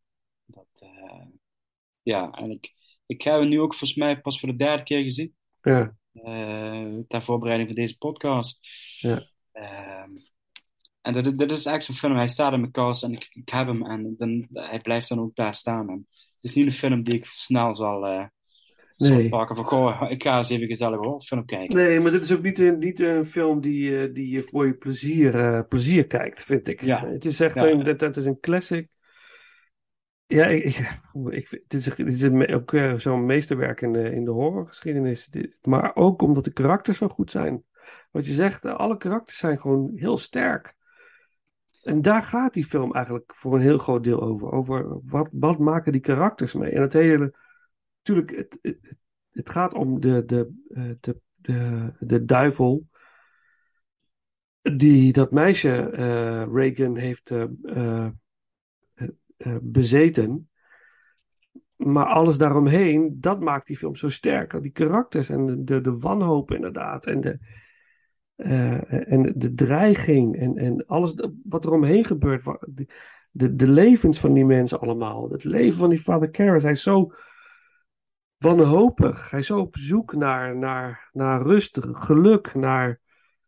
Als je het bijna hem gunt dat hij zijn leven geeft. Hè? Van, jee, die man, hij heeft rust nu. Hij, snap je? Al dat soort dingen gaan door je hoofd. De film is afschuwelijk soms. Inderdaad, qua spanning. En je van, oh, wat, is dat... De opbouw naar de daadwerkelijke climax is fantastisch. Die- dat, ik- ja, ik, vind- ik vind het echt zo'n sterke film. Eh, en eh, de make-up effecten zijn goed. Is heel sch- schokkend. Eh, mensen gingen, werden echt ziek in de film. Ambulances voor de bioscopen. dat mensen Snap ik op echt- zich wel. Ja, ja, ja. ja. En maar waar mensen nog het meeste van gechoqueerd waren, waren die, waren die scènes in het ziekenhuis met Reagan. Dat ze de bloed wordt afge, afgenomen. Hoe heet die, be- die behandeling die ze krijgt? Oh, ehm, Ja, dat het bloed wordt afgenomen. eh vanuit En ook shocktherapie geloof ik shocktherapie. En eh. Het is verschrikkelijk wat er met dat meisje ja. gebeurt. Er worden bepaalde punctie uitgevoerd en eh, Ja. ja, dat, dat, en dat wordt ook best wel, best wel Punctie, dat is het woord. punctie inderdaad. De, de- inderdaad, bepaalde, straight to your face wordt, wordt, laten ze het zien gewoon. Ja. Ehm, en da- daarnaast alle, alle personages, hoofdpersonages, zijn, zijn dus ook gewoon driedimensionaal. Ja. Ze, zijn niet, ze, ze hebben allemaal hun zwakheden. Dus Ja. ze kunnen ook allemaal te prooi vallen van de duivel. Ja. En ik kies nou ervoor om een jong meisje eh, te pakken. Ehm, en dat zie je later ook in de, in de, in de, in de ontknoping van, het had ook anders kunnen lopen. Ja. Ehm, dus dat, dat, dat, dat maakt ze fascinerend. Het is niet bijvoorbeeld van ja, eh, het meisje dit en het meisje dat, want eh, nee, het had iedereen kunnen overkomen. Ja. En, eh, dat heeft gewoon dit verhaal nodig gehad om in het meest onschuldige wezen wat je kunt bedenken, ja, een klein meisje, daar gaat de duivel in zitten. Eh. Maar ze hebben allemaal hebben ze hele goede papieren om die rol over te nemen. Hij heeft ze eigenlijk voor het uitkiezen eh, op het moment dat ze in de kamer staan. Omdat ze allemaal, ze zitten niet goed in hun vel, zijn, zijn afwezig, zijn, zijn ge- ge- getroebe- getroebe- eh, ja, vertroebeld. Ze hebben allemaal iets, op, op, op- iets, iets houdt hem bezig op dat moment in het leven. Eh, de, de ene heeft zijn moeder verloren, de ander ligt in een scheiding, Ja. et cetera, et cetera. Dus er kan van Ja. alles gebeuren. Ja. En dat maakt het ook onheilspellend van, blijft hij in het meisje zitten? Want af en toe daagt hij ook de andere uit van, ja, zal ik dan naar jou toe komen, zeg maar? Zal ik jou pakken? Eh, en dat, dat, dat geeft, iedereen is ineens kwetsbaar. Het is niet zo van, Ja, het, enge is als die film is afgelopen. Natuurlijk, het is wel soort van opgelost, maar je weet ook dat die energie is er nog. Die is Ja. er gewoon. Die, dus je gaat de bioscoop uit. Stel je voor in die tijd, je bent doodsbang na het zien van die film. Je gaat naar je huis. En je gaat in je bedje liggen. Licht uit. Oké. ja, Nou, spring, ja. spring de kattenbed. Ja. Weet je, dan heb je het helemaal gehad, zeg maar. eh. Maar dat is, dat is ja, ja, ja. En de stem van, de, van Reagan, als, als ze echt de, de stem van de duivel is, is, is door een actrice, gedaan, Mercedes de McCambridge. En zij deed dus de stem. En om die stem te creëren, eh had ze dus eh, rauwe eieren. En rookte ze, eh, rookte ze ze tientallen sigaretten achter elkaar. En ze had alcoholproblemen in haar verleden, deze actrice. Maar ze wilde ook heel veel whisky drinken. Dus heel veel roken, rauwe eieren en whisky drinken. En Ja, daardoor die- kreeg ze, kreeg ze dus die specifieke stem. Er Joe Cocker ook, toch? Ja, ja, en er moest dus een priester aanwezig zijn bij haar om haar vervolgens iedere keer weer naar de realiteit te halen. En dat ze niet, ook niet weer zou terugvallen in het alcoholisme. En, ehm, en wat eh, William Friedkin dus ook wilde, is dat ze op een stoel zat, eh, vastgebonden aan haar nek en haar armen, polsen, benen. Zodat dus helemaal vol met sigaretten, whisky, rauwe eieren vastgebonden op een stoel. En dan mocht ze die stem doen. En Dus het is ook een hele. Die stem is ook gewoon echt heel eng. Die stem Ja, dan hoop ik wel gewoon dat ze een, eigenlijk een goed salaris heeft gekregen. waar, probably. Ja, Ja, ja. nou jongens. En ehm, ehm, wat Friedkin dan zelf ook zegt in een interview. eh, als zij dus inderdaad die stem ging doen. En ook met die razernij die ze erin kon opwekken. Hij, tot, tot jaren later heeft hij daar nog nachtmerries van gehad. Van dat was Ja, terecht. zo eng om te zien. Een vastgebonden vrouw. Bezopen. Die st- Hij vraagt er zelf om. Dus ja, dan denk ik Ja, ja, ja, maar met dat alle respect, eh, als jij daar een nachtmerrie in overhoudt, dan is het ook wel een minimale wat je kunt eh, over hebben voor Ja. je film eh, zo groot te maken. Ja, Dus, ja. En Linda Blair heeft nog zes, zes maanden na het release van de film nog ehm, eh, eh, bewaking gehad. Omdat ze. ehm, omdat er waren groeperingen die dus zagen dat deze film Satan eh, een soort van eh, op een voetstuk plaatste. En iedereen moest eigenlijk worden uit afgemaakt of zo. Die te maken had met die film. Dan ben je echt zelf satanistisch bezig, denk ik. Maar goed, maakt verder niet uit. Maar dat, dat is sowieso iets waar je, waar je over kunt discussiëren. Maar dus er gebeuren ook hele rare dingen.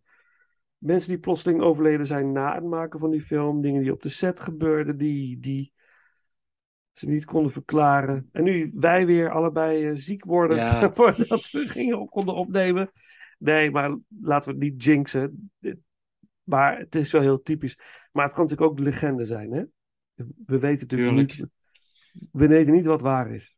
Dus dat is dat. eh, maar het is wel een leuke, leuke legende. Ja, absoluut. absoluut. Ja. Dus ehm, ja, Wilmer Freaking, Ja, The Exorcist. ja, onze nummer één, gezamenlijke nummer één. Ja. Ehm, ja, voor als je hem niet gezien hebt. Oh ja, de film is ook nog genomineerd voor beste film bij de Oscars. Een van Ja, de weinige Uit, horrorfilms. uitzonderlijk, ja. Ja, Dat hoor je ja. niet vaak. Nee, Silence of the Lambs, Jaws, Sixth Sense, Get Out. Dat zijn de enige horrorfilms die nog zijn genomineerd. Daarna, Ja, wel een mooi lijstje, moet ik zeggen. zeker, zeker. Eh, even een stukje muziek en dan zullen we dan maar afronden? Op deze Ja, Halloween, dan- eh, Dan hebben koude eh, Halloweenavond. Misschien. Ja, absoluut. hebben we nog een vraag openstaan? Hè? Dus, eh, Ja, oh ja, ja. Daar kunnen we Oh ja. we even over nadenken. Ehm, de endtitles uit The Exorcist, Exorcist eh, muziek door Leonard eh, Slatkin. En we zullen nog voor de goede orde deze aflevering toch nog één keer afsluiten met eh, Tubular Bells van Mike Oldfield. Maar dat doen we straks. Eerst even de endtitles en dan gaan we inderdaad even kijken of we de vraag kunnen beantwoorden.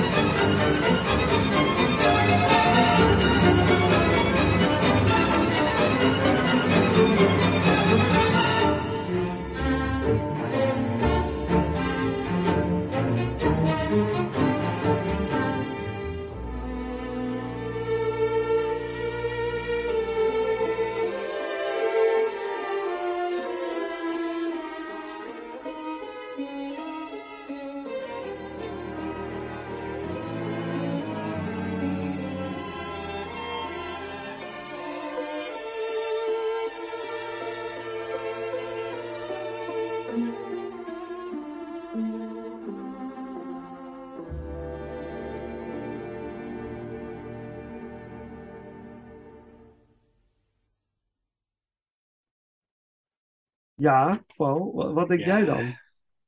Nou ja, dat, dat- ik had er wel even. Nou, ik zat, ik zat met name deze films te kijken. En ja, goed. eh, eh, ze zijn alle, alle vijf van diverse kwaliteit. Laten we het zo maar even eh, samenvatten. Ja, Ehm, ik typte op een gegeven moment gewoon het woord Exorcist in op, op IMDb. En daar kwam eigenlijk een hele rij films bij. En ik, ik, ik moet ook eerlijk opbieden. Ik heb, ik heb eigenlijk niet veel van, van deze films gezien. Mhm. Dus ik vroeg op een gegeven moment, ja, gewoon op mijn Instagram van...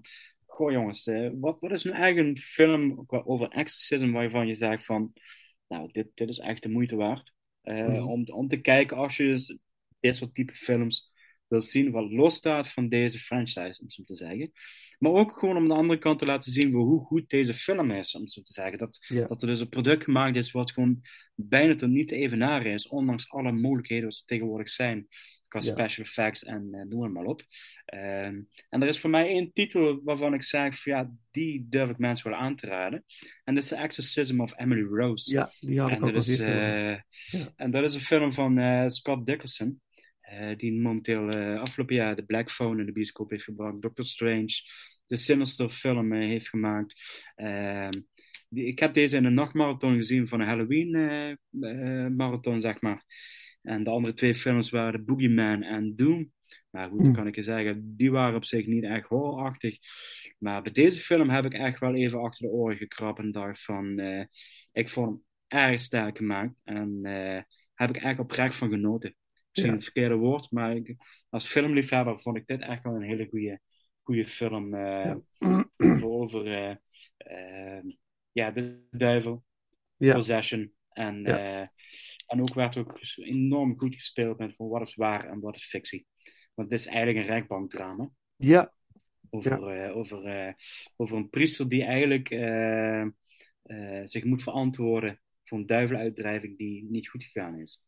Het meisje overleed aan de hand van de uitdrijving. En de vraag was, ja, is, in hoeverre was de priester dit schuld? En natuurlijk krijg je ook de vraag van, is, hebben we hier, hebben we hier op het hand te maken met een, eh, met, met een exorcisme of met een, een bezeten meisje? Ja. Of is het gewoon een, een, een getraumatiseerd meisje met, met eh, andere psychische klachten? Ja. En daar wordt heel, heel mooi mee gespeeld. En eh, waar als je kijker lang in de, in de, ja, toch in twijfel blijft van, wat is nu het verhaal hiervan? Ja, ja eens. Dit, dit was ook het eerste wat in me opkwam. Eh, die film, ja, die, maar dat heb ik heel lang geleden gezien. Maar ik weet dat ik hem toen heel spannend vond. Ja. Heel eh, aangrijpend en heel, ja, gewoon goed. Eh, Ja. Ik dacht ook aan, ik zat net even te kijken, toen zag ik The Conjuring voorbij komen op een lijst. Maar hebben dan, is dat, ja, een beetje. Ja, dit is inderdaad wel een beetje. eh, Ik vind hem wat twijfelachtig. Als ik eigenlijk over Exorcist film denk, is, is het misschien niet de eerste film die bij mij Nee. eh de binnen schiet. Rosemary's film- Baby, zie ik nog. Ja, ja, ja. Polanski. Eh, Maar is ook niet echt ja. exorcisme. Nee, nee, kijk toevallig de, de film The Ride met Anthony Hopkins. En, Ken ik, niet gezien. Niet en gezien. speelt, volgens, speelt volgens mij ook Gabriel Mann speelt ook mee, die ook in de, even kijken, in eh, Dominion meespeelt. Mhm. Dat eh, vond ik op zich ook wel een, een, een, een goede, een prima Exorcist film, laat ik het dan even zo noemen. Eh, maar niet dat ik denk van, god, dit is, gaat ooit in de top 10 van beste Exorcist films komen. Nee, nee. Maar ik zat dan zo te denken van, als je dan ooit eens een keer een, een, een top 10 van Exorcist films moet maken, van hoe kun je dat lijstje dan vullen? Ja. En dan blijft, denk wel, eh, toch behoorlijk eh akelig leeg, denk ik, Ja. als het dan even zo eh, vrij mag zijn. Ja, ja. Het, is, het is echt een unieke, unieke film. The Exorcist zelf, zeg maar, losstaand van Ja. de vervolgfilms. Het is, het is, niet, het is niet geëvenaard. Nee, absoluut niet.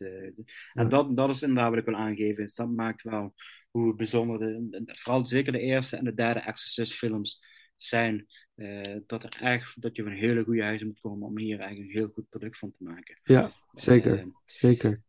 met die gedachte, Mhm. er komt natuurlijk een remake aan. Ja, hè? ja. 2023 staat deze vermeld onder regie Ja. van eh David Gordon Green. Dat is ook de Ja. man die de remake van Halloween film heeft gemaakt. Daar hebben we in een andere podcast ook over gesproken. Ja, Ehm, ja, ik hou me hard vast. Ondanks dat deze man toch echt wel een goede Halloween-trilogie waarschijnlijk heeft gemaakt.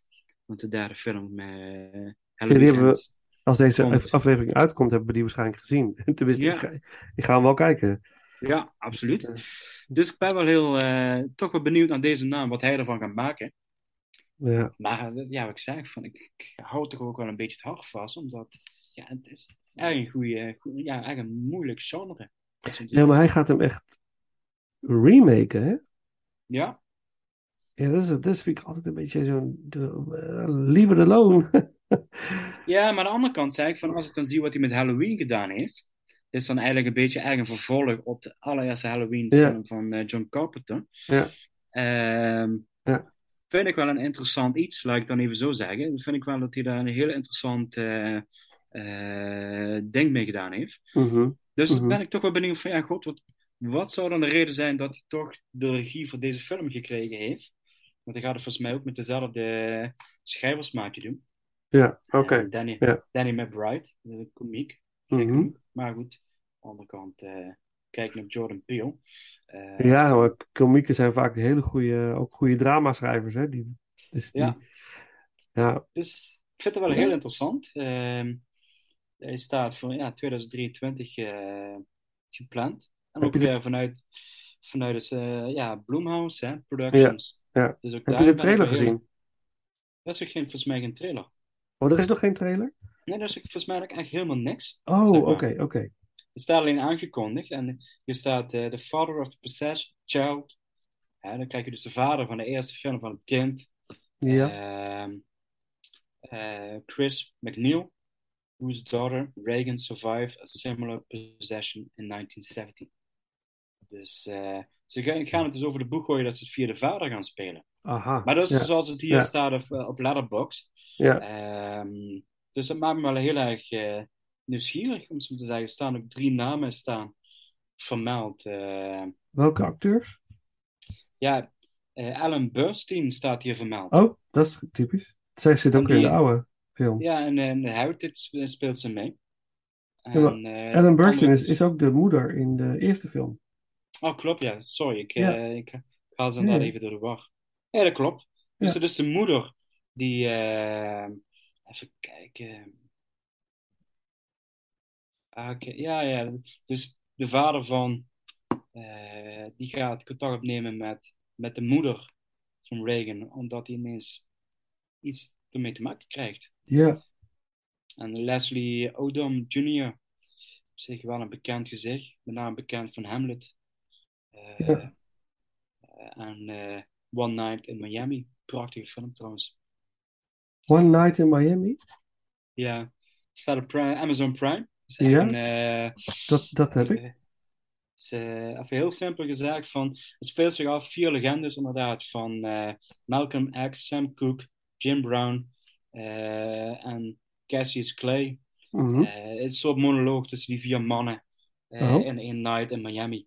En eh, het is, eh, is een eh regiedebuut van Regina King, op zich een bekende actrice, die een paar jaar geleden ook de Oscar gewonnen heeft. Maar die, die ja, toch wel een film die eh, veel eh, vier sterren scoort. Dus eh, Oh, nice. kan ik je eigenlijk aanraden, om het zo te zeggen. Oh, dat... eh, En ook veelbelovende jonge acteurs. eh, en de andere naam is Anne Down. En Ja, ik zag het, ja. eh, Ja. Zij speelde in, in Maas. Dat is toevallig jouw eh, favoriete film van eh 2021. Ja. Als ik goed onthouden heb. Ja, oh, heb je gezien al?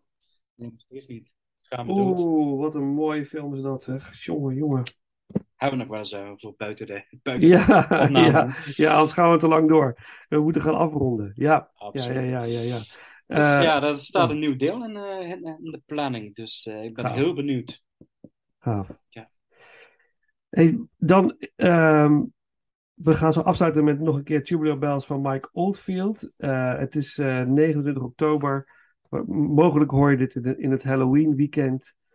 Eh, we wensen je een hele spannende Halloween avond, nacht toe. Ga vooral eh, een paar goede horrorfilms kijken. Misschien hebben we je kunnen inspireren. Eh, als ik kijk naar het lijstje, zal eh, de volgende ranking die uitkomt zijn een ranking die te maken heeft met een totaal ander genre, wat er misschien wel lijnrecht tegenover staat.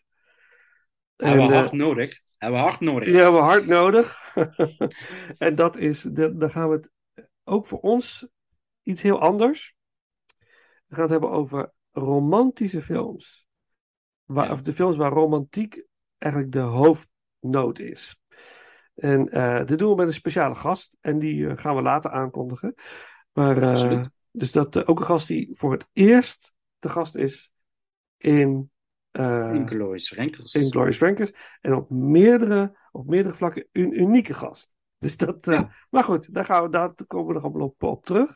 Natuurlijk. Ja, mooie cliffhanger. Mooie maar- cliffhanger. Ja. ja. Heb je nog niet geen genoeg van horror rankings? Ga naar onze Patreon pagina. Want daar staan nog een paar eh, Ja. eh, rankings over horror franchises. En Ja. eh, Ja. daarom zei ik, we hebben heel veel gekeken. Ja. deze zomer. Ja, Dus ja, ja, voor, zeker. voor horrorliefhebbers in overvloeden. Yes. Dus, yes. Patreon Inglourious Rankers. Yes. En ja, Paul, dan zijn we rond. Dan zijn we rond. We kunnen rustig gaan slapen. Ja, ik. het, het is gelukt. Het staat erop.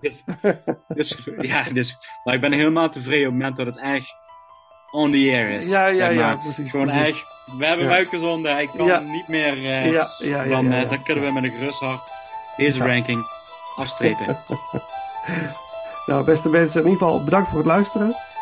Eh, tot de volgende ronde. Tot de volgende keer.